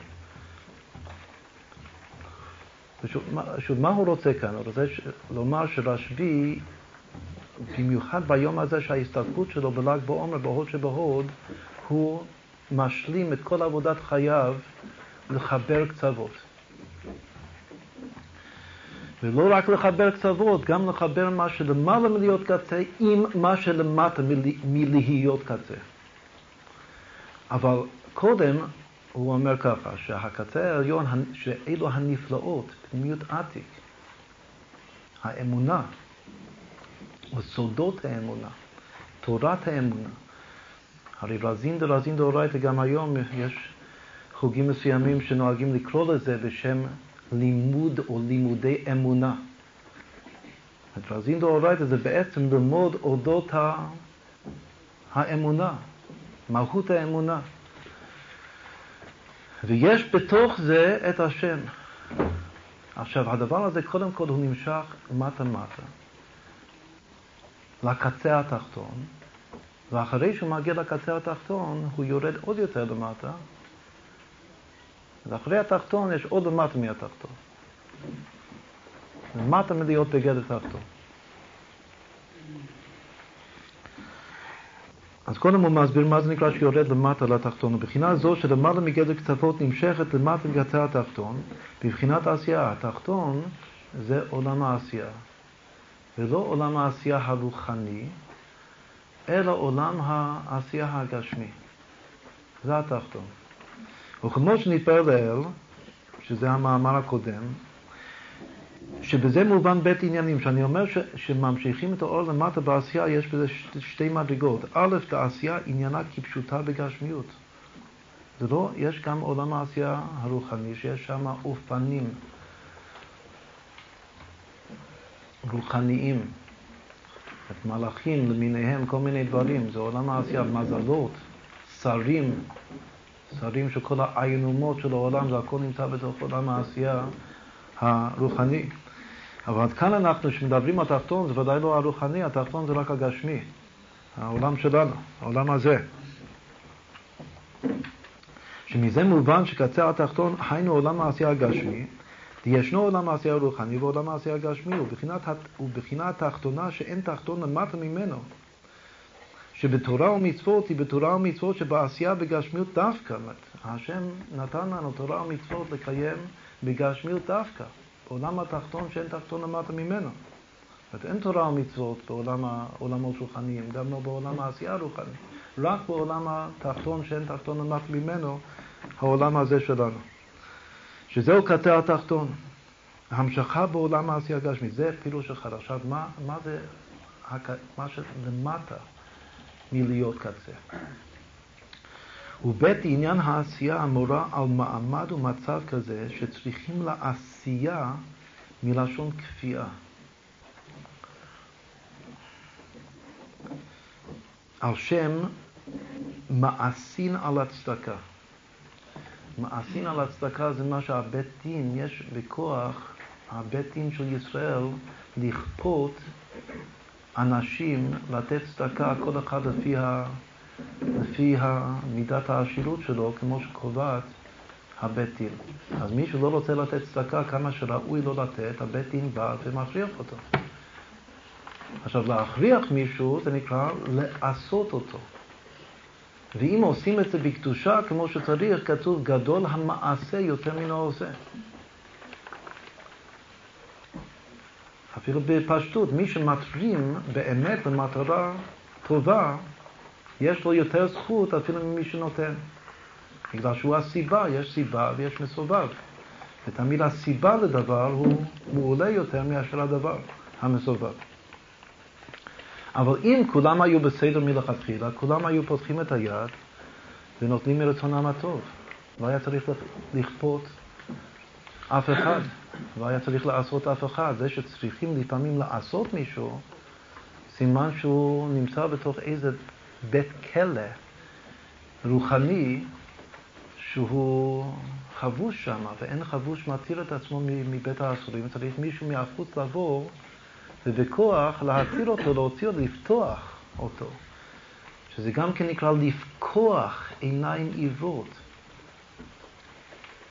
אחד מהנושאים גם כן שנרצה להסביר על פי הפסוק הזה, גל עיניי, קשור למה שגם הרבי אמר בכל הזמן האחרון, השנים האחרונות, שמה שחסר לנו הוא לפקוח עיניים. אז גל עיניי גם כן, מה זה גל עיניי? זה פקיחת עיניים.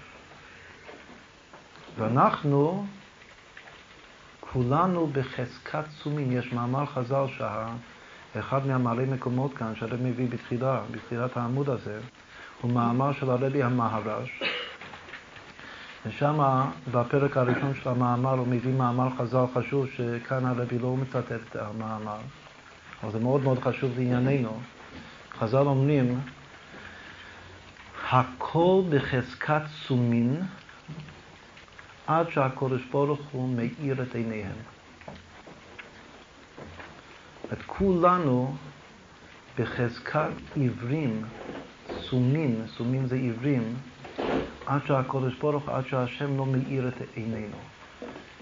וזה כלל בחז"ל. עכשיו, כמו כל כלל בחז"ל, לומדים את זה מאיזה מקום. יש מקור. מאיפה לומדים את הכלל הזה? שהכל בחזקת סומין. עד שהקודש ברוך הוא מאיר את עיניהם. לומדים את זה מהגר המצרי שפחת אברהם אבינו. כתוב, וזה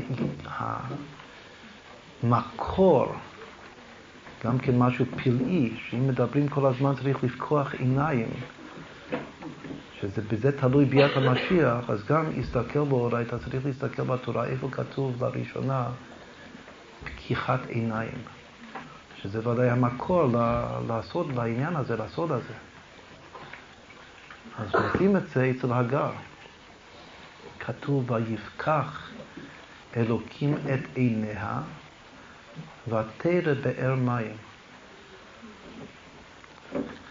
עכשיו, חז"ל אומרים, מהפסוק הזה חז"ל דורשים שהכל בחזקת סומין עד שהקדוש ברוך הוא מאיר את עיניהם. איפה, איפה לומדים את זה מהפסוק? חוץ מזה שכתוב ויפקח. כתוב ויפקח אלוקים את עיניו, אבל כתוב בהמשך ותרא באר מים. משמע שהבאר הייתה קיימת שם כל הזמן. וכאן יש מאמר חז"ל בפירוש,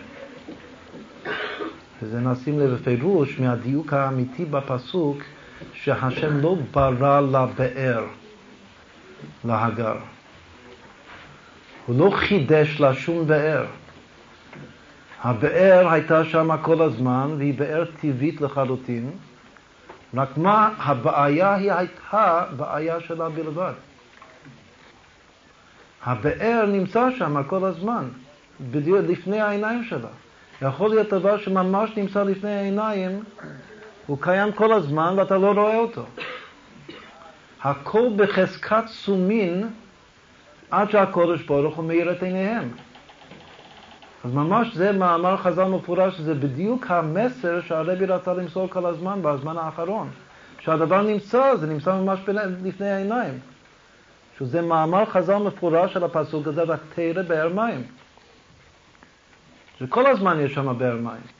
אז לא התחדש לגבי הבאר, לגבי החפץ, האובייקט. מבחינה אובייקטיבית לא התחדש כלום. כל הבעיה הייתה אך ורק בעיה סובייקטיבית. שלה, עצמה. וככה זה אנחנו. שכולם בחזקת סומין עד שהקודש ברוך הוא לא יאיר ויפקח לנו את, ה, את העיניים. לכן גם כן, כאן הרבי במאמר הזה, הוא, הוא מרמז את זה כמו הרבי המערש, במאמר המקורי שלו הזה, שעיקר הדיוק בפסוק גל עיניי, הרי אם רק העניין תגלה את הנפלאות, אפשר לדלג על המילה עיניי. אבל מה ש...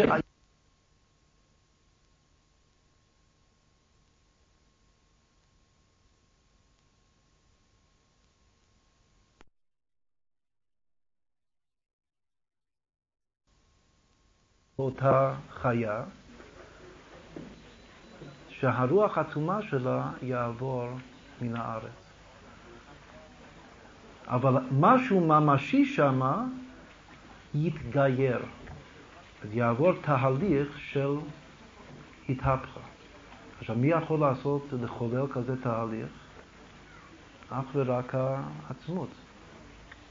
חביון עוז העצמות שבתוך האמונה הפשוטה בתוך הרדלה, ושוב הרדלה הזה הוא מתגלה על ידי תורת רשב"י. לכן יש עוד אה, שיחה של הרבי, שהוא מסביר שרשב"י הוא בריש גלי, כתוב שבני ישראל יוצאים ביד רמה, והתרגום של יד רמה הוא ריש גלי, ראש גלוי. ובקבלה כתוב שראש גלוי הוא רדלה.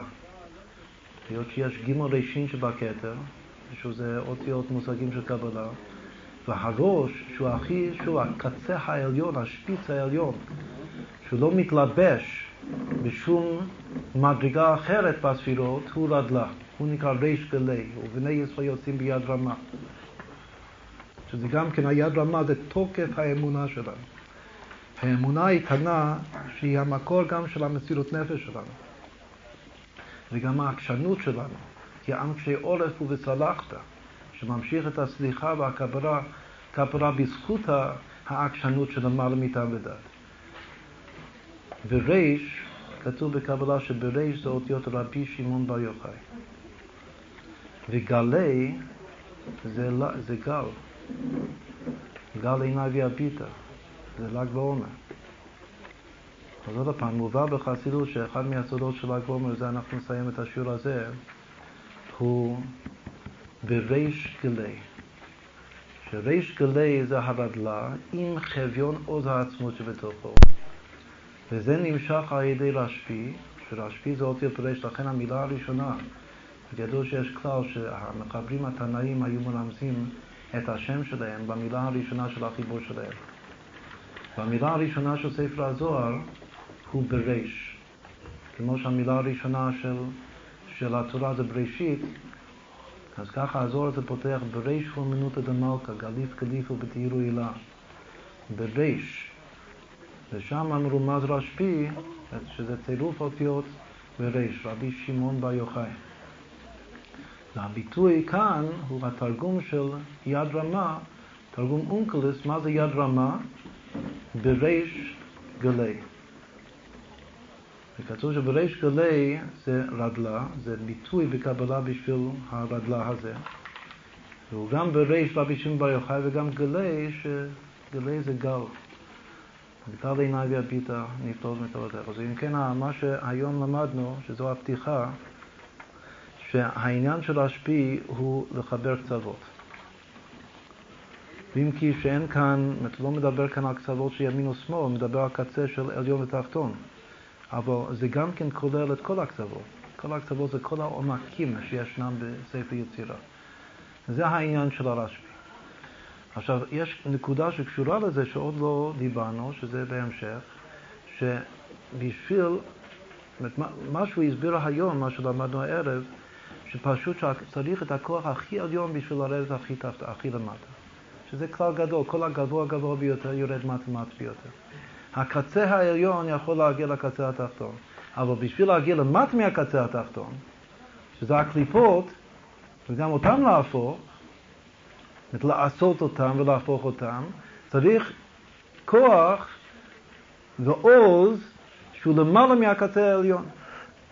אבל מה, כמו שאמרנו, אותו דבר שהוא למעלה מהקצה העליון, הוא מתלבש, הוא נמצא חבוי, הוא מתחבא בתוך הקצה העליון. ולכן ממשיכים אותו באמצעות הקצה העליון, שזה הנפלאות מתורתך, שזה עצמותו יתברך. וזה יורד קודם להתגלות בעולם הגשמי, ואחר כך יורד עוד יותר למה שהיה אמור להיות תחום בפני עצמו, רק שבגלל חטא הדם הראשון זה התערב. ועכשיו צריך לעשות אותו, שזה התקפיה והתקפיה שמביא לידי התהפכה השופר לנהורה, כמו שעושים המנהג לעשות מדורת אש בל"ג בעומר, שזה בתוך חשכת לילה. ואחד מהסודות של המדורה הזאת, שהאש, זה בתוך הלילה, האש הזה, זה אומר שרשב"י יכול את הלילה להפוך לאור, לא להאיר את הלילה. והאש הזה זה לקחת את החושך ולהפוך, הרי לגבי חושך יש שתי דעות לקבלה, האם החושך זה רק היעדר האור או שזה ממשות. אז אם זה רק היעדר האור, אז באמת האור דוחה אותו לגמרי מלכתחילה. זה נקרא להאיר את החושך. אבל ככל שיש ממשות בחושך, צריך להפוך את הממש הזה, להפוך אותו לאור. זאת אומרת, להדליק אותו כמו אש. מה זה אש? אש זה לא אור, אור זה פנס. אש הוא לוקח חומר והוא הופך את החומר לאור. אז מה שעושים הערב מדורה זה שהרשב"י הוא לוקח, הבריש גלי הזה, הוא לוקח את הממשות של החושך של הלילה והופך את הלילה לאור. לכן יהיה לנו בזה, נסיים הערב. אתמול התחלנו לדבר על, ה... על היסוד הכי גדול של ל"ג בעומר של השפיעי, עניין האהבה, אהבת ישראל. בין כולם. דיברנו אתמול על זה שכוחו של השפיע לחבר קצוות, וזה עיקר הרעיון כאן של המאמר. ואפילו לחבר מדרגות שהן לא בגדר קצה, שזה יותר מקצה.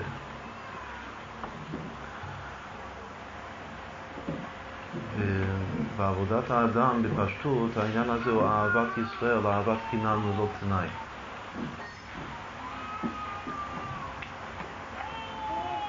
וזה מתאים מאוד עם, עם המשפט שהרשב"י אמר לחברים, לתלמידים שלו, שהוא פתח באידרא, אה, זה משפט שלא אמרנו אתמול בערב, אבל זה הכי נוגע לנו. שהראשונים, שהם תלמידי רבי עקיבא, שהם מתו בתקופה הזאת, רק שפסקו מלמות ביום הזה ל"ג בעומר, אז כידוע שהם מתו בגלל שלא הייתה אהבה אמיתית ביניהם, לא נהגו כבוד זה בזה. והיום הזה, הוד שבהוד, שבו היה עתיד כבר מששת ימי בראשית רשב"י להסתלק באותו יום, אם כי שזה היה לפני ההסתלקות שלו, אבל ביום המסוגל הזה, שמגלגלים זכות על ידי זכאי. אז כתוב שמגלגלים זכות על ידי זכאי זה גם הולך על ימים בשנה. שמגלגלים זכות ליום זכאי. יש יום זכאי מצד עצמו ומגלגלים לאותו יום זכות נוספת. אז כתוב שהדבר הזה באופן מיוחד קשור לל"ג בעומר. ל"ג בעומר זה לשון גל, כמו כאן גל עיניי. אמרנו שבמשך השיעורים שלנו אנחנו נסביר הרבה פירושים של גל, שהכל מתקשר יחד, ואחד מהם הוא לגלגל, גלגלים, גלגולים. ולכן באופן מיוחד קשור לל"ג בעומר המושג הזה שמגלגלים זכות ליום זכאי. כלומר שיש משהו זכאי בעצם היום הזה, יום הל"ג בעומר, שהוא חוד שבאות בספירת העומר. וההסתלקות של הרשב"י הוא שייך לזה בעצם, אבל העניין הזה הוא כבר קיים מאז ומתמיד. יש שתי דעות בחז"ל מתי ירד המן לישראל בשנה, בשנה הראשונה לאחר יציאת מצרים, כלומר בדיוק בזמן הזה בין פסח לבין עצרת. בין יציאת מצרים לבין מתן תורה, אולי הדבר הכי חשוב שקרה באמצע הוא ירידת המן לישראל. אז בדרך כלל מביאים בשם חז"ל, שזה גם רש"י מביא את זה בפשוטו של מקרא, שהמן ירד בט"ו, בט"ו באייר, בדיוק באמצע החודש, היום של החודש שקיים עשייה בהשלמותה, למחרת פסח שני, שזה גם כן שייך לשבוע הזה, זה שבוע של ההוד. בפסח שני, שאולי נסביר את זה יותר בהמשך, בהקשר ל"ג בעומר, הוא חסד שבהוד. ל"ג בעומר זה הוד שבהוד. ט"ו, ט"ו באייר, האמצע של החודש, קיימה סיהרה בהשלמותה. השלמות של החודש הוא גבורה שבהוד. אז יש דעה שבאותו יום ירד המן לישראל אחרי שאכלו את המצות חודש ימים. את המצות שהוציאו ממצרים חודש ימים מט"ו בניסן עד ט"ו באייר, ואז ירד המן, שכידוע המן הוא הפנימיות של המצה. בתוך המצה, בתוך המילה מצה יש צדיק, והצדיק הוא בגמטריה מן. צדיק באמונתו יחיה. את המה, מה שבשני הקצוות של המצה, מ"ה הוא חצי מן, חצי צדיק. אז מצה זה שלם וחצי, יש שלם באמצע וחצי בצדדים, בקצוות. מצה. הוא בעצם שלוש פעמים מה. אבל הפעמיים מה הוא מרוכז באמצע. בפרשת המן המילה מה מופיע בדיוק שלוש פעמים. פעמיים משה אומר עליו, על עצמו ועל אהרון אחיו, ונחנו מה? זה כתוב פעמיים הביטוי הזה, ונחנו מה ונחנו מה. ועוד פעם, כאשר המן הופיע לראשונה ולא הכירו מה זה, לא ידעו מה זה, אז כתוב, ויאמרו איש אל אחיו מן הוא, כי לא ידעו מה הוא. אז יש המה התמיהה של העם, ויש הבעת הביטול, הביטול המוחלט של משה רבנו שכתוב פעמיים. אז כתוב שהפעמיים מה של משה רבנו ונחנו מה ונחנו מה, זה מצטרף לצדיק שהוא הפנימיות של המצה. והתמיהה של העם, מהו, מלמטה זה המה שמקיף, כן, מסגרת את המצה. בכל אופן, עצם המן, שהעם אומרים, תמהים ואומרים מהו, עצם המן הזה הוא הצדיק. הוא הצדיק בעצמו, הפעמיים מה של משה רבינו ונחנו מה ונחנו מה. ההתגלמות של הביטול במציאות של משה ואהרון, זה המן בעצמו. וזה קשור עם מה שדיברנו אתמול בלילה, שה... של"ג בעומר זה גילוי הנפלאות שבתורה והנפלאות שבתורה זה האמונה, אמונת ישראל, רדלה. אז כתוב, ויאמרו איש אל אחיו מן הוא. מן הוא צירוף אותיות אמונה. ושוב, יש שתי דעות, היינו באמצע זה שיש שתי דעות בחז"ל, מתי המן הזה ירד. הדעה היותר מקובלת ידועה זה בט"ו, לפני שלושה ימים, אבל יש דעה במדרש, והחתן סופר מביא את הדעה הזאת, שהוא מסביר מה הייחוד של ל"ג בעומר, שהמן ירד בחי לאייר, כלומר היום. כלומר שיש דעה בחז"ל, שזה מובא באחרונים, וגם הרבי מביא את זה, שירידת המן לישראל קרה, התרחש היום, היום הזה. וכל שאר הדברים הקשורים עם היום הזה זה הכל בבחינת מגלגלים זכות על ידי זכאי, ומגלגלים זכות ליום זכאי. שיום זכאי זה חי, החיות של חודש אייר. כמו שחי ידוע זה החיות של חודש אלול, מה שדיברנו אתמול.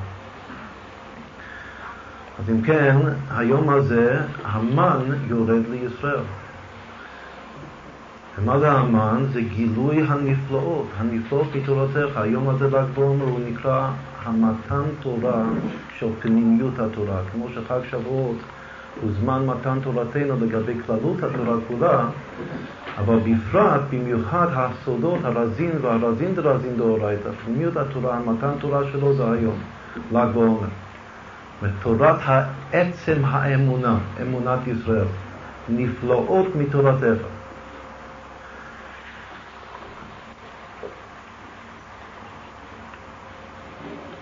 וצדיק באמונתו יחיה. האות צדיק בסדר האלף בית הוא אות החי. אז לפי הסדר, א', ב', ג', ד', הצדיק הוא החי. הוא החי באלף ב'.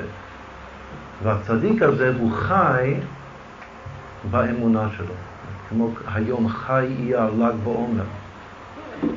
ירידת המן. עכשיו, בזכות מי ירד המן אז? בזכות משה רבנו. היו שלוש מתנות טובות שניתנו ליהודים במדבר. המן והבאר וענני הכבוד.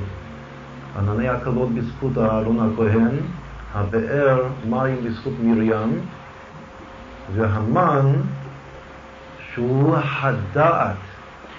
את המן כתוב ראי אמונה. ראי מלשון לראות, לפרנס, להזין. אפילו במילה מן יש שני פירושים, או שמן הוא לשון מה, תמיהה, או שמן הוא מלשון וימן, שוימן הוא להכין משהו, וכאן זה להכין מזון, הכנת מזון. ראו שזה מזון, לא, לא ידעו איזה סוג מזון, זה מזון אה, מוזר, מזון, מזון אה, פלאי, אבל הוא הכנת מזון, ככה רש"י אומר. רש"י אומר בפסוק, ויאמרו איש אל אחיו מן הוא, אז הוא אומר שמן הוא, הכוונה מזון, אבל מזון לא ידוע. גם כן זה בא מרגלה, רישא ולא ידע ולא התיידע. זה מזון, אבל לא יודעים איזה סוג, איזה מין מזון זה. הכנת מזון. אז כמובן שיש קשר בין הפירוש מן מלשון מה ומן מלשון מזון. עכשיו, מזון זה עוד יותר קשור למשה רבינו, שהוא זן ומפרנס את האמונה. לפני שירת הים כתוב, ויאמינו בהשם ובמשה עבדו, וכתוב שלא רק שמאמינים במשה, יש שני פירושים, להאמין במשה שהוא נביא אמת, כמו שכתוב, וגם בך יאמינו לעולם. וצריך להבין, להאמין בקודש ברוך הוא ולהאמין במשה בתור נביא הקודש ברוך הוא. אבל יותר עמוק כתוב בחסידות, ויאמינו בהשם ובמשה עבדו, שעל ידי הוא ו, שכתוב הוא ומשה עבדו, ועל ידי משה עבדו האמונה הזאת יורדת וחודרת לפנימיות ההוויה של נשמות עם ישראל. בגלל שהוא מזין ומפרנס את האמונה, הוא נקרא ראיה מהמנה. שראיה מהמנה זה לא רק הרואה הנאמן, אלא ראיה מהמנה הוא רואה את האמונה. הוא ראי אמונה, שכון ארץ הוא ראי אמונה. לפרנס את האמונה, איך מפרנסים את האמונה? על ידי המשכת הדעת. מורידים את זה למטה, מהקצה העליון הנפלאות עד לקצה התחתון, השכל הכי פשוט של היהודי הכי פשוט. שהיהודי הפשוט מאמין בעצם, אבל משה מזין לו, מפרנס את האמונה. לכן על הפתגם שאמרנו קודם אתמול, שכתוב בזוהר, שבחי חיבור הדידך יפון בין גלות וברחמים, שעל ידי החיבור של ספר הזוהר יצאו מן הגלות ורחמים, בא הפירוש שזה דווקא כאשר יתפרנסון מיני. שהעם ישראל, חוץ מזה שיש סגולה, כתוב סגולה עצומה, אפילו לקרוא את דברי הזוהר מבלי להבין מה שאתה קורא, זה גם סגולה גדולה. אבל הזכות המיוחדת של הזוהר, שבזכותה, בזכות הזוהר לצאת מן הגלות ברחמים, זה דווקא כאשר יתפרנסון מיני, זה הביטוי בזוהר. יתפרנסו מיני, הכוונה שיבינו את זה שהסודות הרזין והרזין והרזין דאורייתא של השפיעי ירדו ובגדר מזון ממש הוא ראי אמונה, שהאמונה תהפוך דעת. וכל פעם שהאמונה הופכת להיות דעת, נמשכת מקיף של אמונה יותר גבוה, יותר עליון. לא ממצים את האמונה אף פעם. האמונה זה אין סוף, אבל העבודה של האדם בעולם הזה זה להמשיך מקיפים, להיות, להפוך להיות פנימיים, זה להמשיך אמונה להיות ידוע דעת, וממילא נמשך עוד מקיף, יותר עליון, עוד דרגה של אמונה יותר גבוהה, תכלית הידיעה שלא נדע, כמו שהסברנו את זה אתמול. אבל מי שפועל את הפעולה הזאת זה משה רבנו. עכשיו כתוב שהרשפי הוא הגלגול העיקרי בין התנאים של משה רבנו. ועוד יותר כתוב של"ג בעומר, הרי לפי רוב המנהגים, יש מחלוקת בין הפוסקים, אם אומרים, כאשר סופרים את העומר אומרים לעומר או בעומר. אז לפי רוב המנהגים אומרים לעומר. אבל כאן, לפי כולם, נהוג לומר ל"ג בעומר, ולא ל"ג לעומר. אף על פי שרובם אומרים שסופרים לה ולא בה. וכתוב אחד מהרמזים לכך הוא של"ג בעומר, הרי עומר בתורה זה כתוב חסר ו', ל"ג בעומר בלי ו' במילה עומר שווה משה. ל"ג בעומר זה יום שהוא קשור עם משה רבנו. הרשב"י הוא משה, בחינת משה רבנו. ומה הקשר למשה רבנו? כל מה שעכשיו דיברנו, שמשה המשיך, בזכותו המשיך וירד המן לעם ישראל. שהמן זה מזון שמזין ומפרנס את האמונה. כמו שדיברנו אתמול, לימודי אמונה, לימודי רזין ורזין דאורייתא. אבל בטוב טעם ודעת, שהוא ייכנס בפנימיות, שיבינו אותו כל חדה וחדה לפום שיעור הדילי. נודע בשערים בעלה. את הבעל הקדוש ברוך הוא נודע בשערים, בשיעור, ביכולת לשער. שזה הנון שערי בינה, הנון ימין של ספירת העומר, כולל שער הנון שהוא חג מתן תורה. שהיום זה הל"ג שלו, הל"ג, הגל עיניים. כל יום ויום זה כוח לשער את האלוקות. לכן האריזל אמר לרבנו חיים ויטל, התלמיד המובהק שלו, שכל יהודי יש לו יום מיוחד בספירת העומר, לפי שורש הנשמה שלו. אומרת שכל יום זה, זה נקודת מבט, השקפה, אספקלריה, מזווית אחרת כביכול, לשער את האלוקות. או בלשון האריזל, יכולת להמשיך מוחין במידות. וכל התקופה הזאת זה לרכך, לעדן ולתקן את המידות של, של הלב. איך עושים את זה? על ידי המשכת מוחין. על ידי שמע ישראל, השם אלוקינו, השם אחד, באים ל"ואהבת את השם אלוקיך בכל לבבך ובכל נפשך ובכל מאודיך". ובלי המשכת מוחין של שמע, לשון שמעון, רבי שמעון, אי אפשר לרכך ולתקן את הרגש הטבעי של הלב. אז זה כללות העבודה של ספירת העומר. וכל אחד יש לו את היום המיוחד שלו. היום המיוחד שלו זה השמעון המיוחד שלו, הרשב"י המיוחד שלו.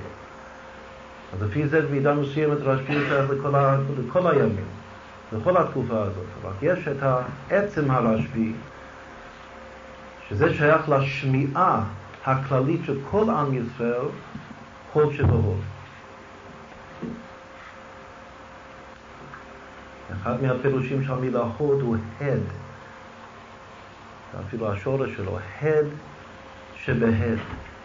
ההד של ההד, כל אחד מקבל לפחות, אם לא את עצם הכל, ואפילו אם לא את ההד של הכל, על כל פנים הוא מקבל, קולט את ההד של ההד של הכל. וזה גם די כדי להחדיר בו תחושת האמונה שלו.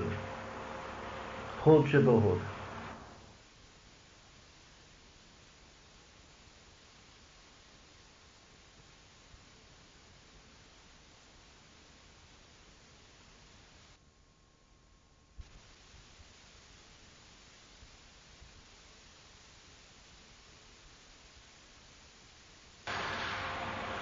עכשיו שוב, רשפי אומר לחברים המקשיבים, התחלנו לדבר על זה אתמול, שרשפי גם זקוק כדי להמשיך את ההמשכה שלו, זה דומה להמשכה של משה רבנו, ל"ג בעומר בגימטיה משה, להמשיך את המן וחי באייר, לפי אותה דעה בחז"ל, שמגלגלים זכות ליום זכאי. אז הוא זקוק לחברים מקשיבים.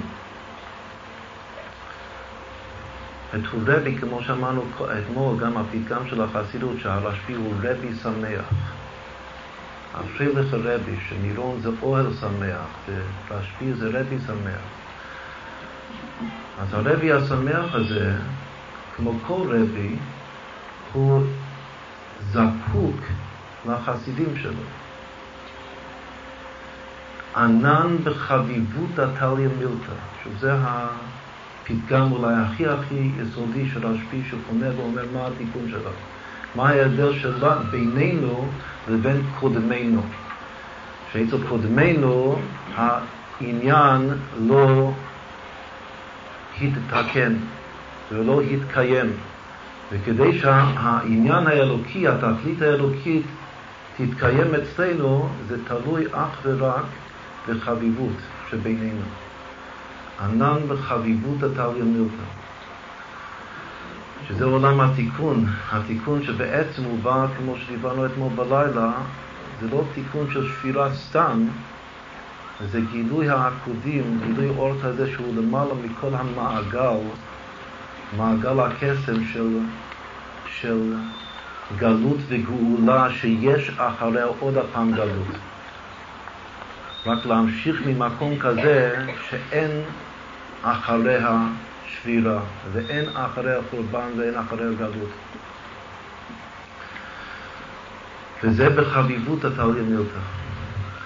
עכשיו, הוא צריך חברים מקשיבים לקולך השמיעיני. בשביל להשמיע צריך מקשיבים. וגם במקשיבים, אם נדמה את הרשב"י לבר שם טוב ולכל רבי של חסידים, אז יש כמה וכמה סוגים של מקשיבים. יש תלמידים מעמיקים, מובהקים, שבהקשבה שלהם באמת קולטים, תופסים וקולטים את התוכן הפנימי ויכולים לחזור על זה. אבל יש גם כן הרבה הרבה דרגות עד שמגיעים למטה למטה לאנשים שבאמת מטים אוזן. והרשב"י גם כן בספר הזה, איך אנחנו יודעים כל כך שהרשב"י אכפת לו ונוגע לו מאוד שיקשיבו. חברים מקשיבים, החברים ענן בחביבות הטל ימיות, אבל צריך להיות חברים מקשיבים. הוא גם כן בספר הזוהר שלו אומר שאשרי מי שמדבר על אודנין דשמין, אשרי מי שמדבר על אוזניים חושבות. ואוי למי שמדבר ולא מקשיבים לו. אז אם כן זה ביטוי וזה כלל גדול של הרשב"י בעצמו, שהוא צריך, הוא אומר אשרי, אשרי מי שמדבר ושומעים לו, שמקשיבים לו למה שהוא מדבר, ואוי למי שמדבר ולא מקשיבים לו. וגם הרבי היה אומר את זה, או התוכן של הדבר הזה הרבה מאוד פעמים, שהוא מרבה לדבר, ואוי ואבוי אם הדברים נופלים על אוזניים אטומות. שזה שמעון, שמעון זה להשמיע, לשמוע ולהשמיע. ולהשמיע צריך חברים מקשיבים לקולך השמיעיני. עכשיו שוב, יש בזה הרבה דרגות, יש להקשיב ולהבין טוב, ויש להקשיב גם בלי להבין הרבה. ויש להקשיב אפילו שאתה לא מבין כלום. יש גם להקשיב, ולהפך, יש בזה הכי הרבה אמונה. האמונה בצדיק הגדולה ביותר זה שאתה מקשיב כמו שהיו הולכים לרבי, והרבי מדבר ביידיש. ומי שלא מבין יידיש אז הוא לא מבין כלום. הוא מבין מילה, לא מילה ולא חצי מילה. אבל הוא יושב שם דרוך, ומקשיב לכל מילה. חוץ מזה שמדי פעם, אם תלוי איפה הוא עומד שם בקהל, הוא יכול אולי להרים את הראש ולהציץ קצת ב, ב, מלך ביופיו תחזן עיניך, לראות את הרבי. אבל גם זה, זה לא פשוט שם, מי שזוכר איך היה שם. גם להקשיב זה לא היה תדגים, במיוחד בשבת בשנים האחרונות שהכל היה נמוך יחסית. אז גם היה קשה להקשיב. בכל זאת, העיקר שמה, כשיש רבי וחסידים, העיקר זה להטות אוזן ולהקשיב לדברים היוצאים מהפה, זה כמו מתן תורה. וכל העם רואים את הקולות. הקולות רואים, אנוכי השם אלוקיך. אחד מהסודות שכתוב בקבלה מה זה גל עיניי, גל עיניי שווה אנוכי השם אלוקיך. התלמידים התיבות הראשונות של עשרת הדיברות, של מתן תורה, אנוכי השם אלוקיך. והדיבור הזה היה יוצא מכל רוח ומלמעלה ולמטה והיו רואים את זה. מרוב הקשבה, הרי זה כל הדיבור, היו רואים את הקולות, וכל העם רואים את הקולות. כל כך מקשיבים עד שרואים את הדברים. אבל זה שרואים זה בגלל שהקשיבו, ואפשר להקשיב גם מבלי להבין את השפה אפילו, מה שמדבר, כמו את הרבי. עכשיו, הקשבה כזאת זה הוד שבהוד. מה זה הוד שבהוד הפיפשט? שאני מודה לדבר שאני לא מבין אותו. ואפילו מודה, יש, מה זה הוד פעם אחת?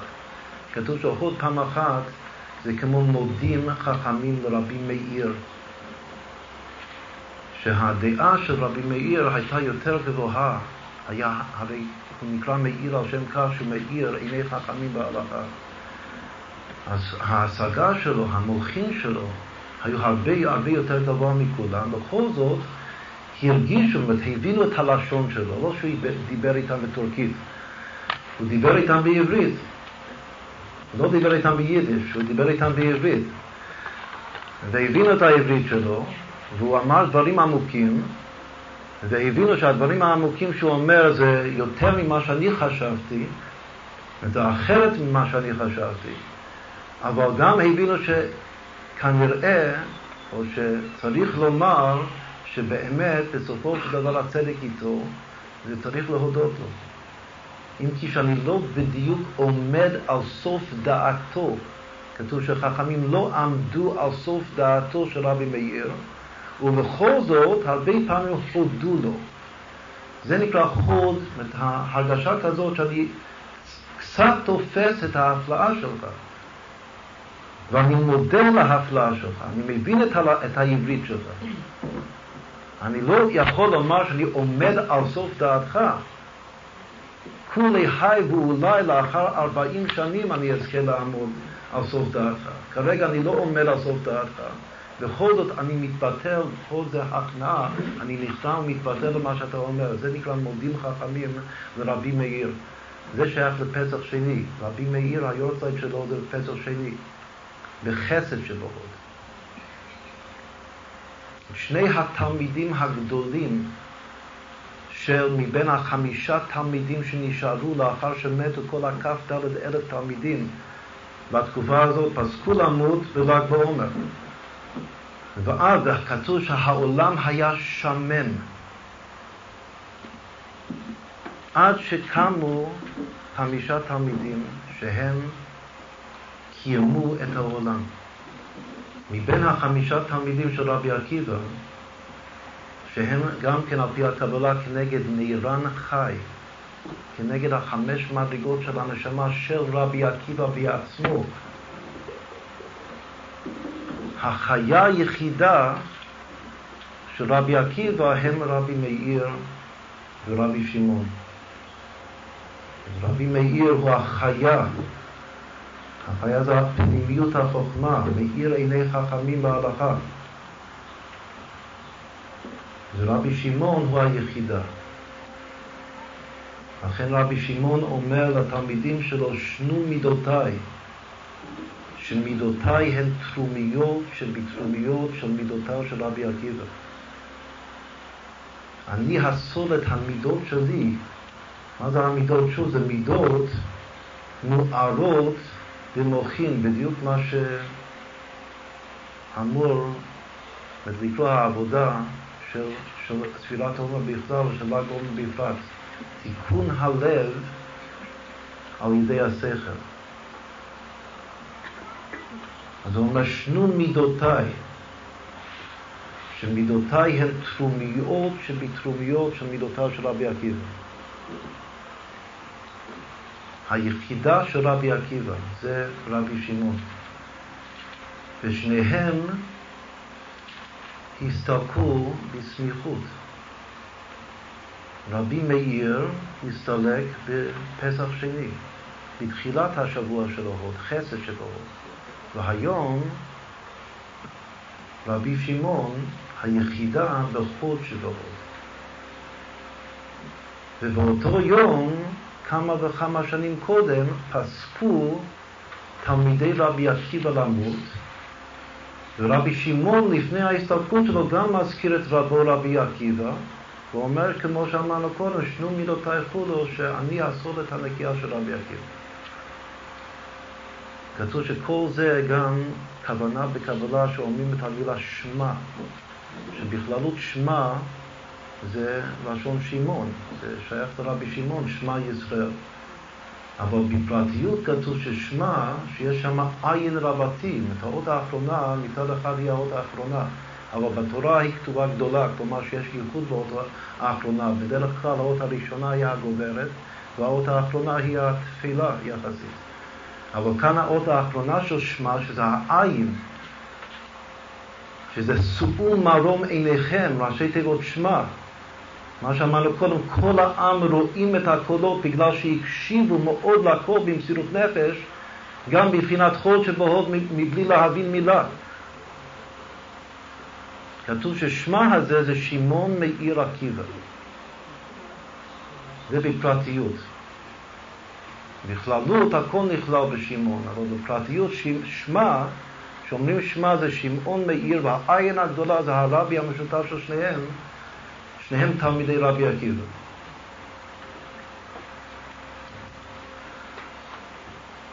שמעון היחידה של רבי עקיבא ורבי מאיר החיה של רבי עקיבא. שזה נקרא נשמתה לנשמתה זה רבי עקיבא, זה מושג שלמד אותו בהמשך בעזרת השם. בתורה יש הלבוש של התורה, הגוף של התורה, הנשמה של התורה והנשמה לנשמה של התורה. נשמתה לנשמתה. הנשמה של התורה אלו הרזין דאורייתא. והנשמתה לנשמתה דאורייתא, רזין דרזין דאורייתא. ובתוך הרזין דרזין יש שתי בחינות של חיה יחידה, היות שהנשמתה זה נירן, נפש, רוח, נשמה, של התורה. והנשמתה לנשמתה, כמו שמובא כאן, ב... מבואר כאן במאמר, החיה היחידה של התורה. לגבי רבי עקיבא, שהוא ה... בכללות העמוד התווך של התורה שבעל פה כולה. הנשמתה לנשמתה אלו שני התלמידים שלו, רבי מאיר ורבי שמעון, החיה והיחידה שלו. כתוב, הפסוק אומר כאן שגם הכל בהשקפה, הכל מכוון מן השמיים, שמתקרבים כאן למירון, אז עוברים על קבר חבקוק הנביא. כשבאים מהדרום לגליל העליון, שהוא גם כן אחד מהסודות של גל עיניי, זה ל"ג בעומר. שזה לשון גליל כתוב. אז uh, אני מבקש שירשמו את כל הגלים שאנחנו, שאנחנו מזכירים אותם. היום זה היה גלגול וגליל בינתיים. אז כשעולים לגליל, במיוחד הגליל העליון, אז עוברים, בדרך להגיע לרשב"י, עוברים את חבקוק הנביא. מה הדבר הכי חשוב אצל חבקוק? שחבקוק כתוב שהוא העמיד את כל התורה כולה על אחת, על עמוד אחד. ומה זה? וצדיק באמונתו יחיה. והיו צדיקים שקדמו לו שהעמידו את התורה על כך וכך כללים ועיקרים. אבל חבקוק הפליא לעשות יותר מכולם, הוא העמיד את כל התורה כולה דבר אחד, וצדיק באמונתו יחיה.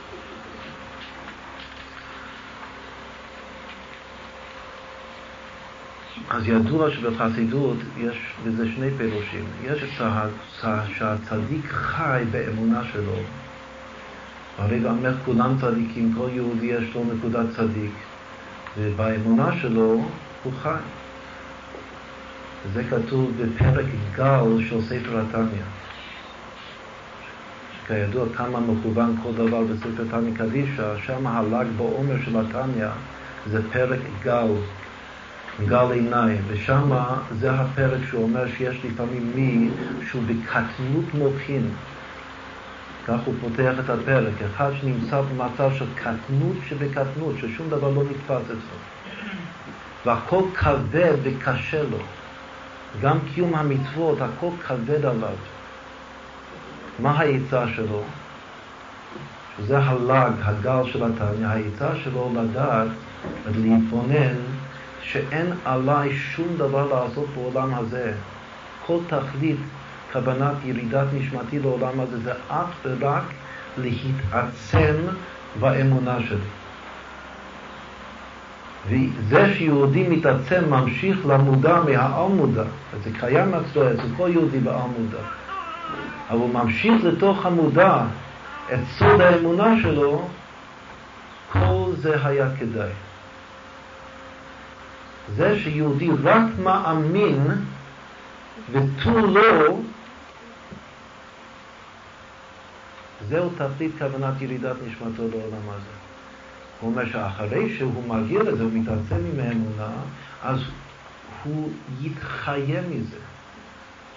ואז לאט לאט החיות הרי זה תוספת כוח, אז בחיות, שזה חיות השמחה, כמו שהסברנו אתמול, והשמחה הזאת של האמונה התמימה שזכיתי כאן בעולם הפירוד, בעולם הריבוי, אני זוכה להאמין בהשם אחד יחיד ומיוחד, על אף כל, מה, כל העלמא דשיקרא, חייזו, דהי עלמא, כל השקר מסביב, אני זוכה להתעצם באמונה בהשם אחד, השמחה הזאת נותנת לו כל כך הרבה חיות, שאחר כך הוא יכול לקיים את כל תרי"ג המצוות בכיף.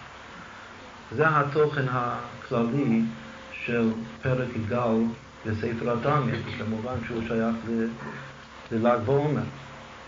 וגם שייך למה שדיברנו אתמול, שבינה עד חוט התפשטה, כשהשמחה מתפשטת ומתגלה במקום החול, והשמחה שבשמחה, הגילה, שהיא פנימיות השמחה, שגילה זה גם גל, הגילה הזאת מתגלה בהוד שבהוד.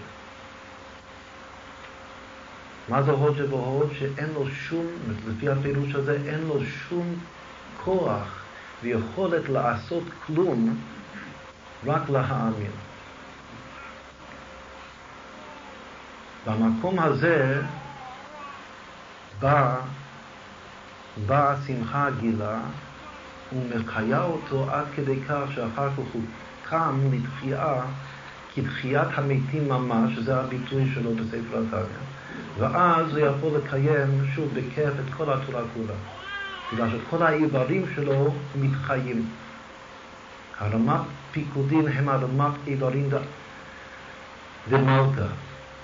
והכל קודם היה רדום ואטום ומת, והכל מתחיה לו מכוח השמחה שבאה במקום האמונה התמימה שלו.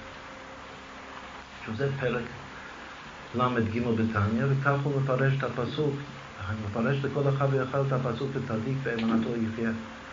אבל יש עוד פירוש שמובא בספרי החסידות, שהאמונה, צדיק באמונתו יחיה, זה האמונה שמאמינים בצדיק. כמו הביטוי הידוע אמונת צדיקים. שאמונת צדיקים זה לא מה שהצדיק מאמין בעצמו, זה מה שהאחרים מאמינים בו.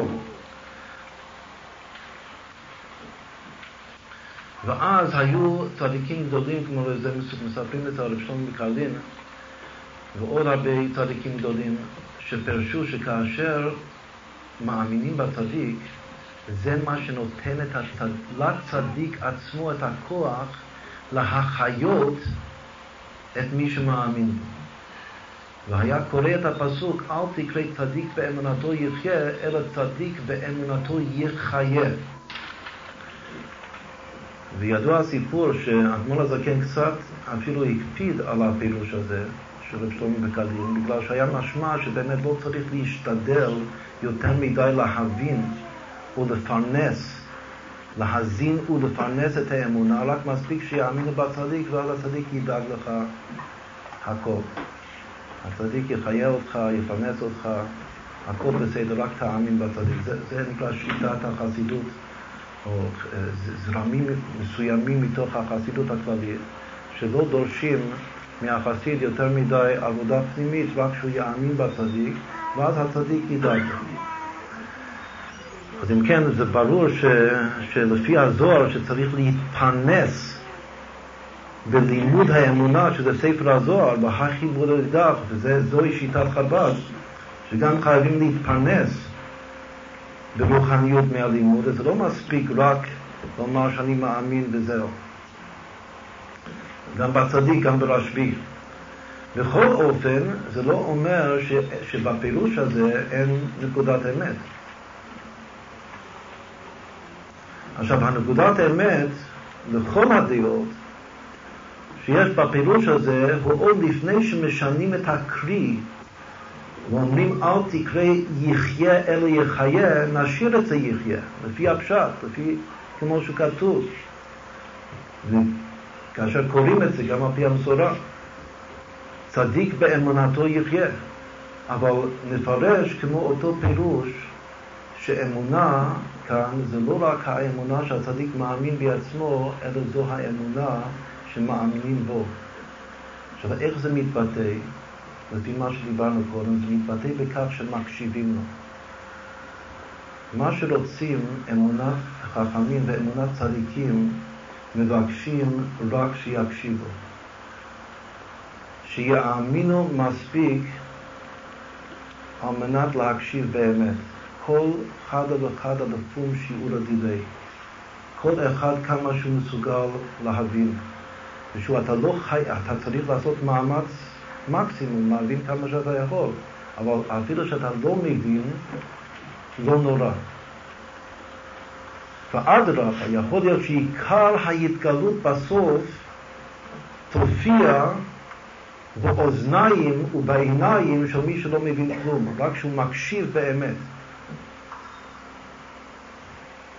ואז נקרא את הפסוק צדיק באמונתו, שמאמינים בו, כדי להטות אוזן. חברים מקשיבים לקולך, השמיעיני, רבי שמעון, אז יחיה הכוונה שהצדיק יחיה, הוא יחיה בעצמו, זה נותן לצדיק חיות, וגם הוא יחיה בתוך הלב של כל אחד ואחד מהמקשיבים לו. שזה באופן מיוחד נוגע לנו היום. כשצדיק מסתלק, שאם זה רשב"י או אם זה הרבי, והרי הוא חי, הצדיק חי, אבל עלינו להחיות אותו, להחיות אותו בקרבנו. ואיך הוא יחיה כאשר עדיין מאמינים בו מספיק להקשיב למה שהוא אומר. ושוב, זה כל אחד ואחד לפום שלו דילי. שזה תלוי באמונה, זה תלוי באהבה. כאן אמונה ואהבה הם גם טרין רעים ולא מתפרשים. צריך אמונה וצריך אהבה, אהבת הצדיק ואמונה בצדיק, כדי להקשיב לו. ולכן רשב"י זה הכל מה שעכשיו אמרנו, זה הכל פירוש על מה שכתוב באידרא, שרשב"י אומר שענן בחביבותא טליה מילתא. וחלק מהחביבותא הזאת זה החברים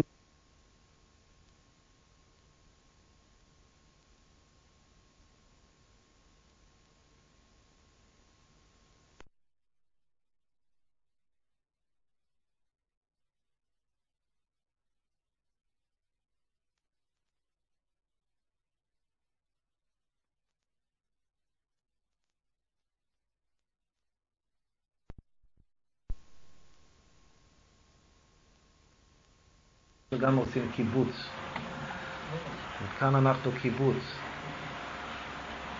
וקיבוץ הוא כמו מקבץ נדחי עמו ישראל. וקיבוץ הוא גם נקודה, כמו שיש אותיות יש נקודות. התנועות של לשון הקודש. יש נקודה שנקראת קובוץ. בקבלה כל נקודה שייכת לספירה. והקובוץ, הנקודה של ההוד. ההוד בקבלה הוא הנקודה קובוץ. שורוק זה יסוד. חיריק נצח, חולם תפארת. שווה גבורה, סגול חסד, צרה, בינה, פתח, חוכמה, קמץ, כתר. מי שרוצה לראות, זה בדיוק כמו שזה מופיע בתחילת הסידור. קמץ, וכו' לפי הספירות. קובוץ זה הוד. באיזו ברכה, מי שמכיר את הכוונות, יש ודאי כאן סידורים של קבלה בבית מדרש כאן. תסתכלו בסידור, לא עכשיו, אחר כך תסתכלו ותראו איזה ברכה ב-18 מכוונים אהבה הכל עם קובוס. והברכה מקבץ ידחי עמו ישראל. אז מכל הכוונות, מכל הסודות, זה הסוד הכי מפורש. אין כזה סוד מפורש כמו הסוד הזה, זה מובהק. איפה מכוונים את הקובוץ? ומקבץ. בברכת מקבץ, נדחי עמו יסוד, קבצנו יחד מארבע, מארבע כנפות הארץ, באותה ברכה של קיבוץ גלויות, מכוונים את הקובוץ. עכשיו, כל השאר זה צריך דרשות עמוקות להבין מה הקשר. אבל כאן, זו הברכה היחידה שהסוד והפשט זהים, באתגליה. שזה מקבץ נדחי עמו ישראל. עכשיו, הקובוץ הזה הוא ההוד, הוא ספירת ההוד. מה זה היום ל"ג בעומר? זה קובוץ שבקובוץ. ואתם תלוכדו לאחד אחד בני ישראל, לקיבוץ שבקיבוץ. עכשיו, הקיבוץ המינימלי כדי להשרות את השכינה על עם ישראל הוא מניין. למה? אחד מהסודות כתוב שבמניין, לפי נוסחת העצרת, בעשרה יהודים ביחד, שיושבים יחד עשרה, עוברים שש מאות אלף בתים, כלומר צירופים. אפילו מגיעים לשלושה מיליון. ותשע בעצרת זה רק שלוש מאות אלף. אבל עשר בעצרת זה כבר שלושה מיליון. כתוב שחמושים עלו בני ישראל. כל אחד מהגברים עם כל בני ביתו היו חמישה ביחד. חמש פעמים שש מאות אלף זה שלושה מיליון. זה בדיוק עשר בעצרת. שיש קיבוץ של עשרה יהודים, יש שלושה מיליון צירופים. כלומר בתים עם האבנים האלה, משם רואה אבן ישראל, יוסף הצדיק, הוא רואה אבן ישראל, וכאשר יש לו עשרה אבנים, עשר אבנים, הוא בונה עם העשר האבנים שלו שלושה מיליון צירופים שונים, שזה בדיוק המספר של בני ישראל. לכן בכל מניין של יהודים יש נציגות של כללות נשמות עם ישראל, והשכינה שורה שם. עכשיו, היום הזה זה יום של קיבוץ שבקיבוץ. אז גם כן לקבץ מארבע כנפות הארץ, לחבר את כל הקצוות, כל קצווי תבל. גם בדעות של אנשים, לחבר את כל הדעות יחד. זאת אם דיברנו קודם על הפסוק של מקשיבים, חברים מקשיבים, אמרנו שצריך מתוך אמונה להקשיב למה שהצדיק אומר, אפילו שאתה לא מבין אותו בדיוק. עיקר אמונת הצדיק, מה שבאמת דורשים גם בחב"ד, או אפשר לומר במיוחד בחב"ד, האמונת צדיקים שדורשים זה רק להקשיב לו. עכשיו, יש כלל גדול מהבר שם טוב, שאומר שכמו שיש מצווה להאמין בקודש ברוך הוא, וזה יסוד היסודות ועמוד החוכמות, להאמין בהשם, אז ככה צריך להאמין בכל יהודי, לא רק בצדיקים. הרי בסופו של דבר כל היהודים הם צדיקים, ואומר כולם צדיקים, לעולם ירשו ארץ. צריך להאמין בכל יהודי. עכשיו, איך זה מתבטא שמאמינים בכל יהודי? ענן בחביבות הטליה מילתא. זה מתבטא בדיוק כמו שאמרנו לגבי הצדיק, הצדיק אמת. זה מתבטא שמקשיבים לכל אחד. כתוב שהתלמידים של רבי עקיבא מתו בגלל שלא נהגו כבוד זה בזה. ומבואר בחסידות, במיוחד בשיחות של הרבי, שמה שלא נהגו כבוד זה בזה, זה לא שלא אהבו אחד את השני בכלל. הרי מי אמר ואהבת לרעך כמוך זה כלל גדול בתורה? רבי עקיבא אמר את זה. אז איך זה שהם שומעים מרבי עקיבא, הרבי שלהם, ש"ואהבת לרעך כמוך" זה כלל גדול בתורה, והם לא נוהגים כבוד זה בזה. אז יש מי באמת שאומר שרק אחרי שמתו אמר את זה.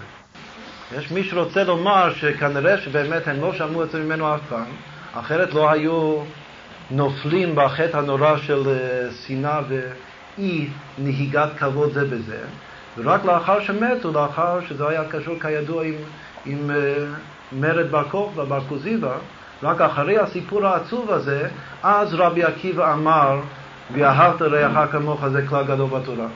ומי שמע את זה החמישה תלמידים שנשארו, כאשר החיה היחידה שלהם זה רבי מאיר ורבי שמעון. אבל בחסידות לא מקובל הפירוש הזה. לא אומרים שרבי עקיבא רק אמר את זה אחרי שקרה מה שקרה. זה ודאי שכל הזמן, גם קודם הוא אמר את זה. ואהבת לרעך כמוך, זה כלל גדול בתורה. ואם הוא אמר את זה קודם, אז באמת איך הגיעו התלמידים שלו לעמידה הזאת, שהם לא נהגו כבוד זה בזה, ולכן נגזרה עליהם מן השמיים מה שנגזר, שימותו. אז כתוב בחסידות שהם השיגו את המשפט הזה, למדו את אהבת ישראל של רבי עקיבא רק בדרך של רצו שנקרא אורות תוהו, אבל לא בדרך של שוב, שזה נקרא לה, להושיב את זה בכלים לתיקון, או להמשיך, כמו שדיברנו אתמול, מהעקודים, שזה למעלה גם מהתוהו והתיקון גם יחד. מה הכוונה? הכוונה שלי זה שהוא, אני אוהב אותך. ומה, איך פרשו בהתחלה את ה"ואהבת לרעך כמוך" זה כלל גדול בתורה? פרשו את זה שזה להיות חב"דניק תוקפני. ככה פירשו את המשפט. בדיוק ככה מסביר הרבי. שצריך ללכת בכוח, מתוך זה שאני אוהב אותך כל כך, אני צריך ללכת בכוח ולהשפיע עליך שתקבל את דעתי. בגלל שדעתי ודאי היא הצודקת, ואני יודע בדיוק מה, איך צריך לעבוד את השם ומה תחתית הכוונה של העולם הזה. ואתה צריך להקשיב לי. אני לא צריך להקשיב לך, אתה צריך להקשיב לי. וזה, אני כל כך אוהב אותך, שזה, אני חייב לשתף אותך באמת, מהאמת שלי. ככה, ככה הרבי בעצמו מסביר מה היה, מה זה נקרא, לא כתוב שלא אהבו זה את זה, כתוב שלא נהגו כבוד זה בזה. מה ההבדל בין לאהוב ובין לנהוג כבוד? שוב, אפשר לאהוב מישהו מאוד מאוד, וכמו שאמרנו קודם, בתוקפנות להשפיע עליו. עכשיו, התוקפנות הזאת יכולה, יכולה להיות תוקפנות עדינה גם כן. יש גם תוקפנות הכי עדינה. אבל כמה שזה נראה עדין, זה עדיין בתוכו זה תוקפני, בגלל שאתה רוצה שהוא יקשיב אליך, ואתה לא בנוי נפשית בכלל להקשיב לו. עכשיו, זה נקרא שאין בו אמונה, אתה לא נותן בו אמון. אתה רוצה שהוא ייתן בך אמון, אבל אתה לא נותן בו אמון. אמרנו שלהאמין במישהו זה, זו פתיחות ונכונות בנפש להקשיב לו. חברים, עכשיו נפרש, לא רק שחברים מקשיבים, הכוונה שכל החברים הם התלמידים של רשב"י והם מקשיבים לרשב"י, לרבי, קודם צריך להיות חברים מקשיבים בינם לבין עצמם, שכל חבר מקשיב לשני. וזה בדיוק מה שלא היה איתו תלמידי רבי עקיבא. עכשיו, מי שאוהב, וכל כך אוהב את השני שהוא חייב להשפיע עליו, זה נקרא אהבת ישראל, במרכאות, מעולם הטוב. זה אהבת ישראל של טוב. זאת אומרת, יש גם אהבת ישראל בטוב. וככה הם הבינו את המשפט הזה, ואהבת לרעך כמוך, זה כבר גדול בתורה. רק אחר כך, על ידי רשב"י במיוחד, שענן וחביבות התריה הגיעו לאהבת ישראל האמיתית, שקודם כל צריך להיות חברים, שכל ישראל חברים. כולנו צריכים להיות חברים, שזה חביבותא, והסימן שאנחנו חברים זה שמקשיבים אחד לשני. אבל באמת, חברים מקשיבים לקולך השני אז, כאשר חברים מקשיבים גם בינם לבין עצמם, וזה נקרא לנהוג כבוד אחד בשני. לנהוג כבוד אחד בשני זה נקרא להקשיב אחד לשני. וכאשר יש את זה, אז גם כן לקולך השמיעיני, אז גם כן זוכים לשמוע מפי רשב"י את הרזין דרזין דאורייתא. להקשיב לו, לרבי. שוב, לפני, לפני, לפני ל"ג בעומר, התלמידים הקשיבו לרבי, ככה היה נדמה להם, שהקשיבו לרבי ושמעו את אבי אהבת רעך כמוך, זה כלל גדול בתורה. ואף על פי כן, ובגלל זה עצמו, זאת יכולים לשמוע כזה משפט, ואהבת רעך כמוך זה כלל גדול בתורה, ומזה עצמו לא לנהוג כבוד אחד בשני. זה מה שהביא אותם לא לנהוג כבוד אחד בשני. מתוך זה שבאהבת לרעך כמוך, זה כלל גדול בתורה. אז היה נדמה להם ודאי שהם מקשיבים לרבי, אבל באמת לא מקשיבים לרבי, לפנימיות שלו, בגלל שגם לא מקשיבים בינם לבין עצמם אחד לשני. לא נותנים אמון, אין אמונה אחד בשני. עכשיו זה המשפט של הבעל שם טוב, שכמו שצריך להאמין בשם, בקודש ברוך הוא, צריך להאמין בעם ישראל. כל יהודי צריך להאמין ביהודי השני. הפתיחות, כל זה, זה גם איך שהאדמון הזה כן מנסח את זה בספר תניא קדישא, שיציל המילתא ותקין פתגמה, כי כל אחד מתוקן מחברו. מה הכוונה כל אחד מתוקן מחברו? הפירוש הוא שכל אחד מתתקן מחברו. כל אחד יש לו נקודה שאין בה שני, וכדי לתקן את הנקודה הזאת שיש לו ואין לי, לכל יהודי יש לו נקודה אחת טובה שאין בה אף אחד אחר. וכל אחד בעולם, כל עם ישראל כולו, חייבים לקבל את הנקודה הזאת ממנו, ממך. חוץ מזה שיש צדיקים גדולים, שיש רבי גדול, שהוא נשמה כללית. אבל גם כל יהודי הכי פשוט, אפילו רשע, יש לו נקודה שכולם חייבים לקבל רק ממנו נקודה טובה. בגלל שהנקודה הטובה הזאת אין אצל אף אחד בעולם, רק אצלו. יש לפעמים באמת שאם הוא כולו רשע ורק יש לו נקודה אחת טובה, אז לפעמים איזה צדיק, כמו אפילו רבי שמעון, הוא נותן בו עיניו והופך לו עוד גל, גל עיניים. הוא הופך להיות גל של עצמות, ואיך המאגי פירש את זה? בגלל שבאמת הוא, מה זה נתן בו עיניו? הוא עיין בו ברשע הזה, מה הנקודה הטובה שלו? הרי הוא חי וקיים עדיין. אז יש לו נקודה טובה. הוא כל כך עיין וכל כך הקשיב לו, שהוא קלט. הוא קלט את הנקודה הטובה, וברגע שהוא קלט את הנקודה הטובה, נשאר גל של התלמוד. אבל במעליותא, גל של התלמוד זה גם גל עיניי נפלאות מתורתך, שיש שם חביון עוד העצמות.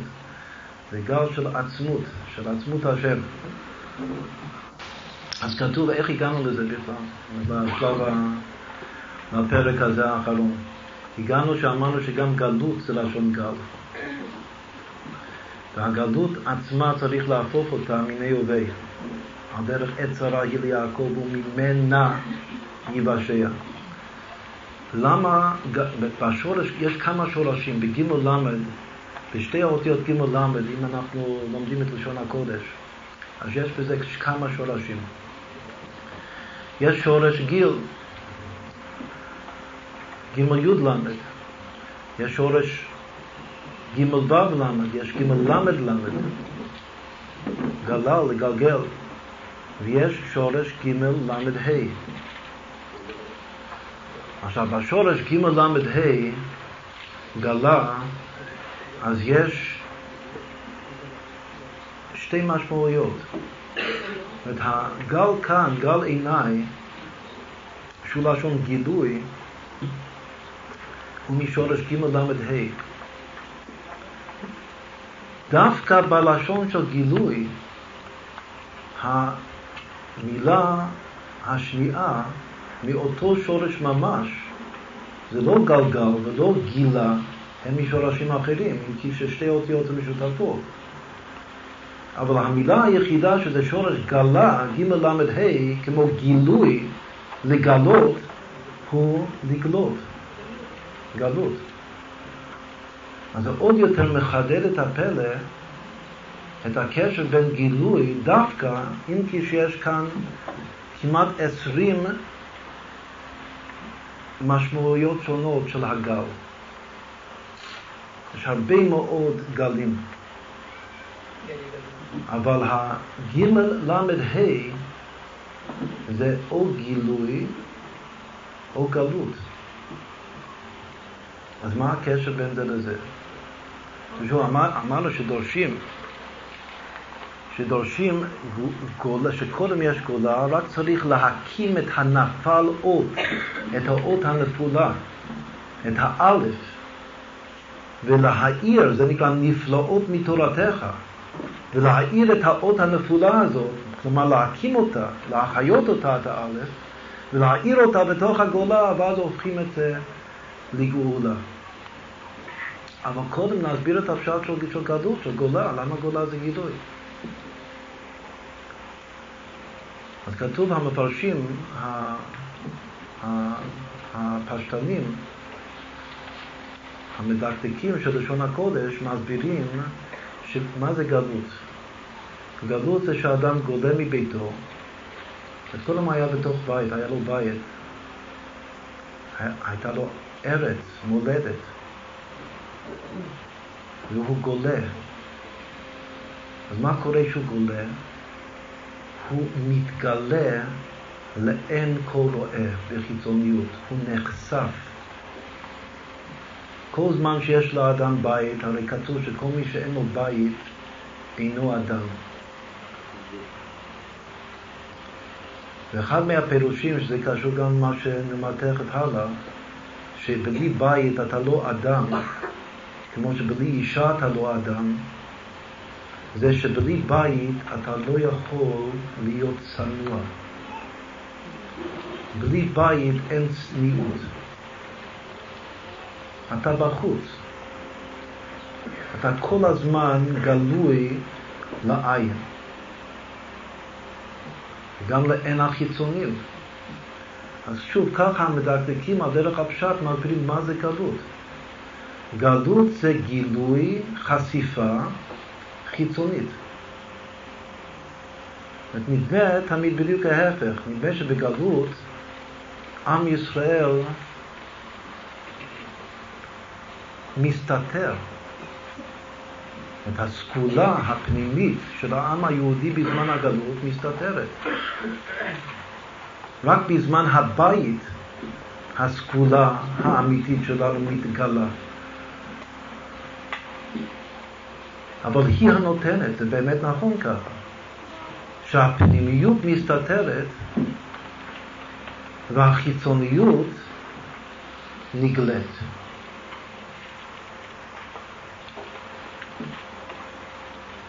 גלות זה שכל השכבות החיצוניות של העם מתגלות. והפנימיות מסתתרת. זה כמו בסוד ברית מילה. אם העולה גלויה וקיימת, הזרע קודש, הפנימיות והעצמיות, איננה יכולה להימשך להתגלות. אין גילוי העטרה. הברית מילה הוא לכרות גילוי עריות,